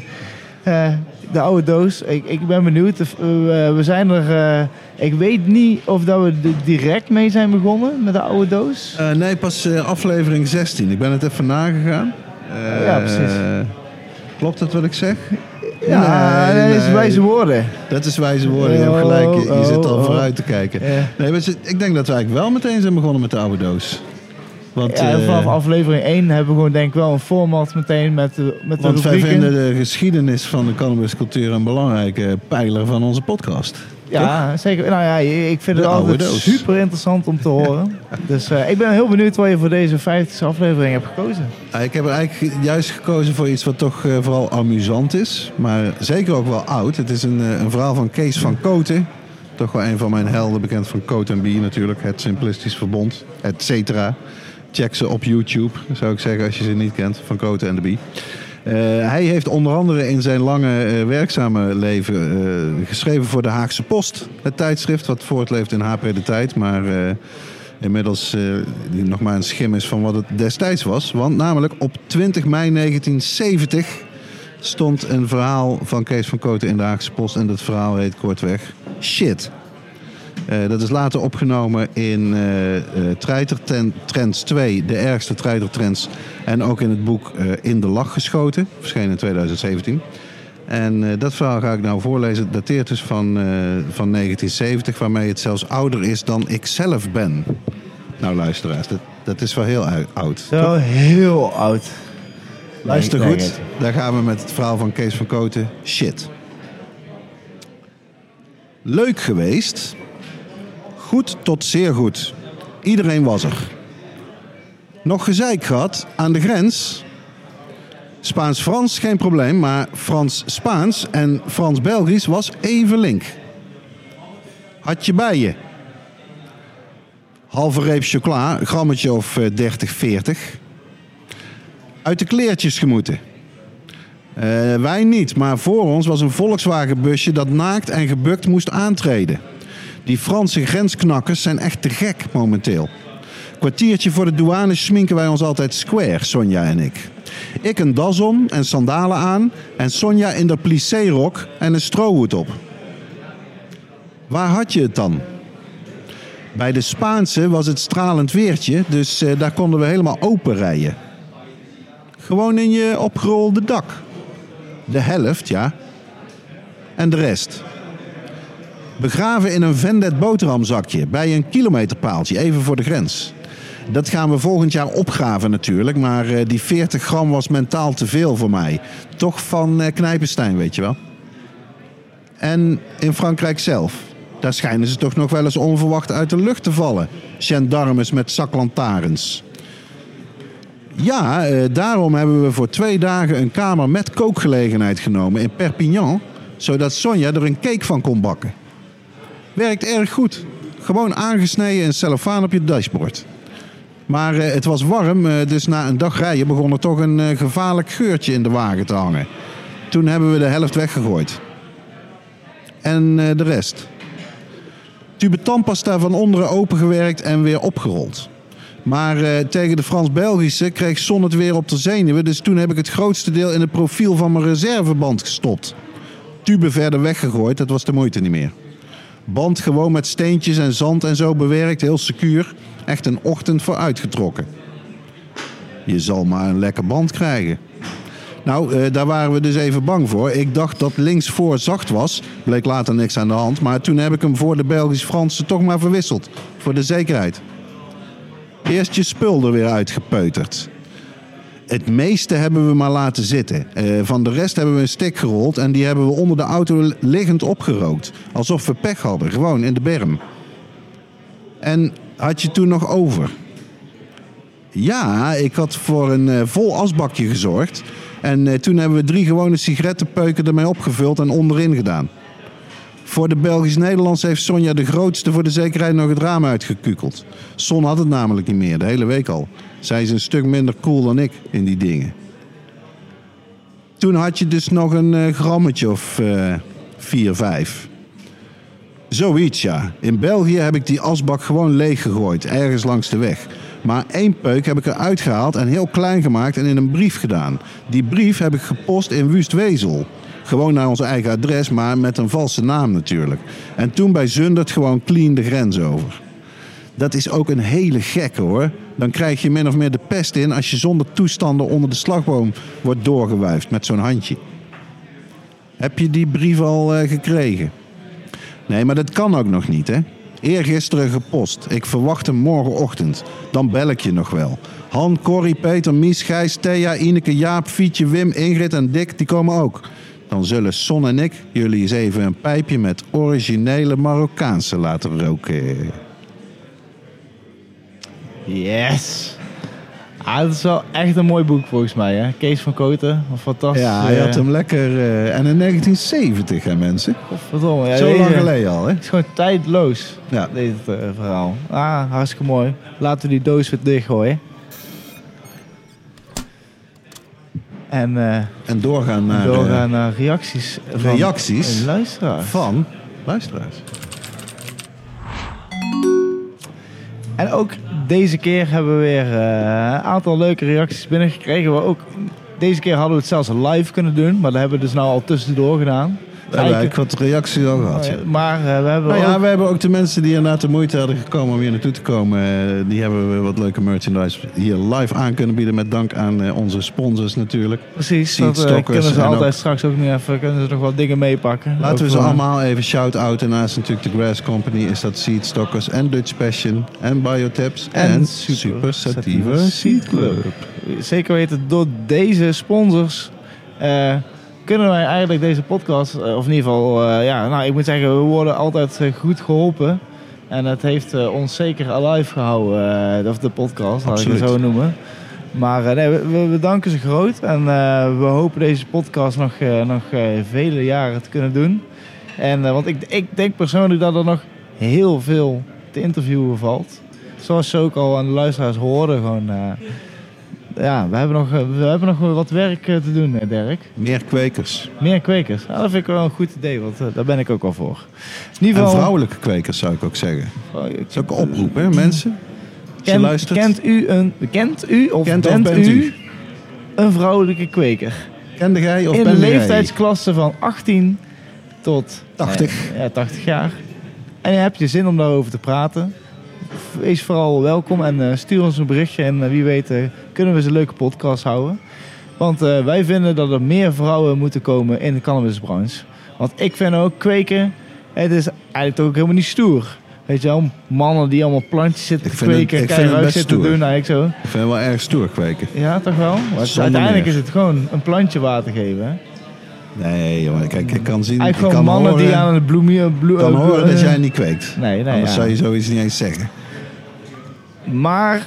Door naar de reacties van luisteraars. Ja, we raken bijna al afgeleid. Jij hebt, Eh, hebt de winnaar eh, op je telefoon, toch? Ik heb hem eh, live... nee, we hebben een leuk mailtje gekregen van Erik. Ik, ik zal alleen... eh, nou, Erik stuurde deze bericht. Hey Dirk en Rens. Jullie zijn geweldig bezig met de podcast. Ik luister al vele, vele weken met heel veel plezier.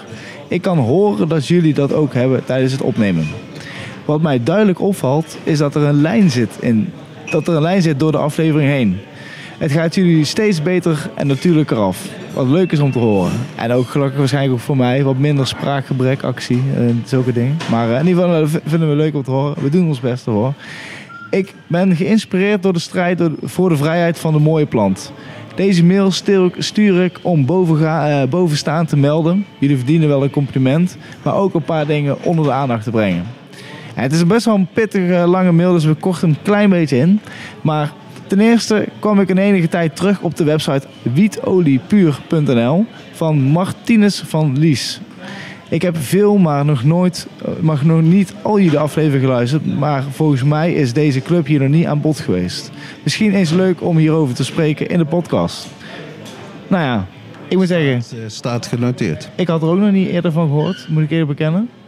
Maar eh, daar gaan we zeker eens over praten. Sowieso ook bijvoorbeeld Suvenuve. Ik, moet, ik moest daar meteen denken aan Suvenuve. Zeker. Eh ook eigenlijk een keer ook een echte wietolie We special. gaan, we gaan Rinus eh, proberen naar Eindhoven te lokken. En verder zeggen ze ook... daarnaast had hij ook nog een aardigheidje. Laatst kreeg mijn vrouw een, medisch medische encyclopedie van vrienden. Dus ik meteen naar de C bladeren en ja hoor, er staat een stukje over cannabis in. Mijn, mijn eerste reactie was lachen, maar kort daarop kreeg ik de realisatie wat dit soort uitspraken in dit soort boeken betekent. Betekent heeft voor cannabis en hoe ermee omgegaan werd. Ik weet nog hoe ik als kind tegen mij gesproken werd met waarschuwende woorden over hashies. Die kwamen zo uit dit boek. Te bedenken hoe de wereld eruit zou zien als cannabis vanaf het begin gezien was voor wat het was. Zonder de angst en de vooroordelen. Afijn, ik heb een foto van een stukje en het boek bijgevoegd. Misschien kunnen jullie het, kennen jullie het al en anders vinden jullie het vast leuk om te zien. Ga zo door jongens, op naar vrijheid. Groet, Erik. Ja, geweldige mail. Echt Dankjewel Erik. Ja, zeker weten. Voor dat, alle eh, mooie complimenten ook. En eh, ja, zeker ook voor de foto's uit de Reader's Digest eh, medische encyclopedie. Ja, we gaan het maar niet voorlezen, maar misschien kan jij het op de Instagram pleuren of zo, die fotootjes.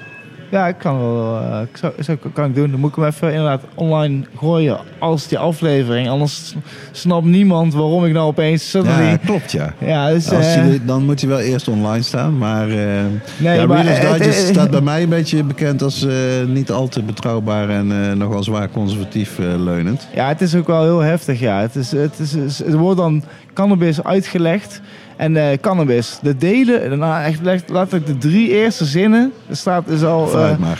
de delen ervan worden verwerkt in geestverruimende verruimende middelen als pot, gras, stuf, wiet, hashish of marihuana.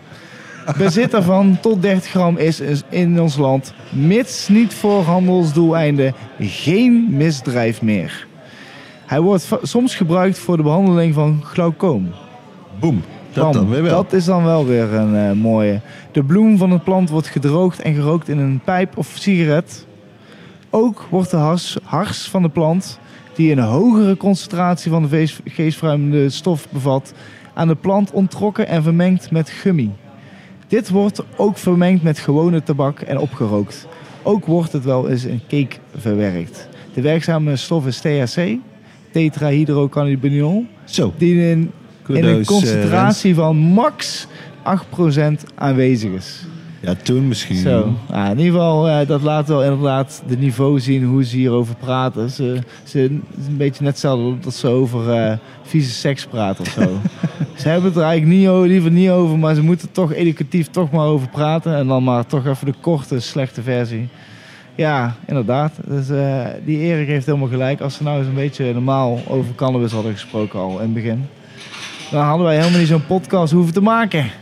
Dus, Maar we doen het prijzenpakket gaat eh, Erik zijn kant op. Ja, ik ga Erik eh, benaderen en eh, we gaan een leuk prijzenpakket sturen van, van Super... Van, nee, van Seedstockers. Excuses.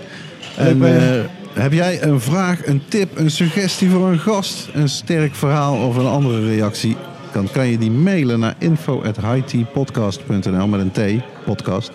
Of gebruik de comments op of onze Instagram. Instagram, YouTube, Soundcloud. Dat kan allemaal. Stuur hem, zet een reactie en, En het eh, komt gewoon vergeet niet je t-shirt maat erbij te vermelden, omdat we regelmatig naar t-shirts en ook wel eens een mooie trui te vergeven hebben. Ja, dus eh, Als je dat bij vermeldt, dan Bij kunnen deze. we in de goede maat eh, die prijs eh, jouw kant op laten komen. Als jij prijswinnaar wordt van eh, onze rubriek reacties van luisteraars. dus, eh, stuur ze in.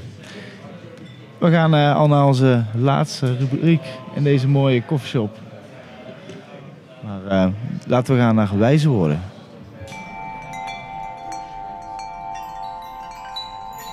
Wijze woorden. Ja, de avond eh, begint hier te vallen in Tilburg. Waar we nog steeds eh, ja, in die prachtige koffieshop eh, zitten. De Grass Company aan de Spoorlaan.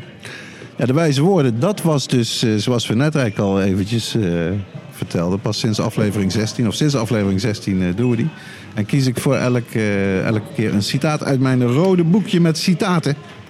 En voor deze 50ste heb ik een korte en krachtige uitgekozen van niemand minder dan Albert Einstein. Je kent hem wel. Onze grote vriend. Dus, dus luister goed, want hij is eh, short and sweet.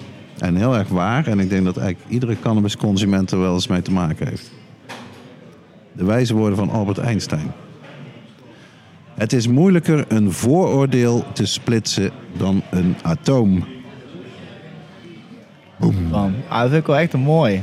Mic drop. Maar dan vind ik, vind ik het nog fascinerend om te vragen met welke vooroordelen zou hij worden met werden getroffen, toch? Het was een Hij was blanke... Joods. Oh, was Joods. Ah, Ja, zo, ik denk dat dat wel eens eh, een rolletje kan spelen. Maar ik denk zelfs wel vooroordeel misschien over wetenschap. Of over eh, abstracte, ook de waarde daarvan. Van, van wat hij doet misschien. Of deed. Zeer interessant en 100% waar, inderdaad. Eh, Ja, Dirk.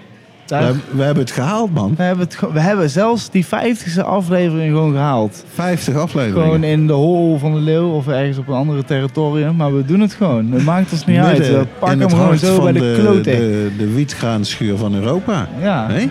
Ja, eigenlijk wel. Dat is wel typisch dat we hem hier... eh, dat is wel toepasselijk in ieder geval. Maar En ik wil eh, deze 50ste aflevering opdragen aan eh, Frans van Laarhoven. En Johan, natuurlijk. vind ik... De beide broers, die alle twee veel geleden hebben. En die dit hebben opgebouwd waar wij nu zitten. Ja, zeker weten. In ieder geval, eh, ja, hier, we zijn in ieder geval aan het einde gekomen van deze 50ste aflevering van de IT Podcast. Eh, ik wil ook de Grass Company nou hartstikke bedanken dat wij eh, hier onze podcast mogen opnemen. Voor- Bedankt voor de gastvrijheid, voor de lekkere hapjes, lekkere De drankjes. sandwich. Oeh, de thee. Lekker, lekker. Eh, ja, en natuurlijk ons live publiek wil ik bedanken, stiekem. Oeh, ja, Ja. ja, dat mag geklapt worden. Ja, ja, ja, zeker. Ja, er zijn gewoon echt mensen hier helemaal heen gekomen. Hè. Dat besef je gewoon niet. Maar dat, dat zijn gewoon... in ieder geval... eh, ja, en natuurlijk onze... Ik zeg, we gaan dat vaker doen. Ja, we, Toch? doen het gewoon, ja, we gaan naar de High, Life, high Times. Gaan we ook heen. Ja, precies. Ja, we gaan overal heen. Mensen kunnen gewoon langskomen als ze willen, mede willen lullen. Schuif lekker aan. Ik vind het eigenlijk hartstikke gezellig. Ja, top. Je ziet wat voor mooie verhalen eruit komen. Dus, eh, en dan wil ik in ieder geval ook onze sponsor bedanken voor deze af- aflevering weer. Seedstockers. Betaalbare cannabiszaden voor thuiskwekers verkrijgbaar op seedstockers.com. Bedankt voor het luisteren eh, naar deze podcast. En eh, tot de volgende keer. Houdoe. Hey Dirk, bedankt hè nog. Dank man.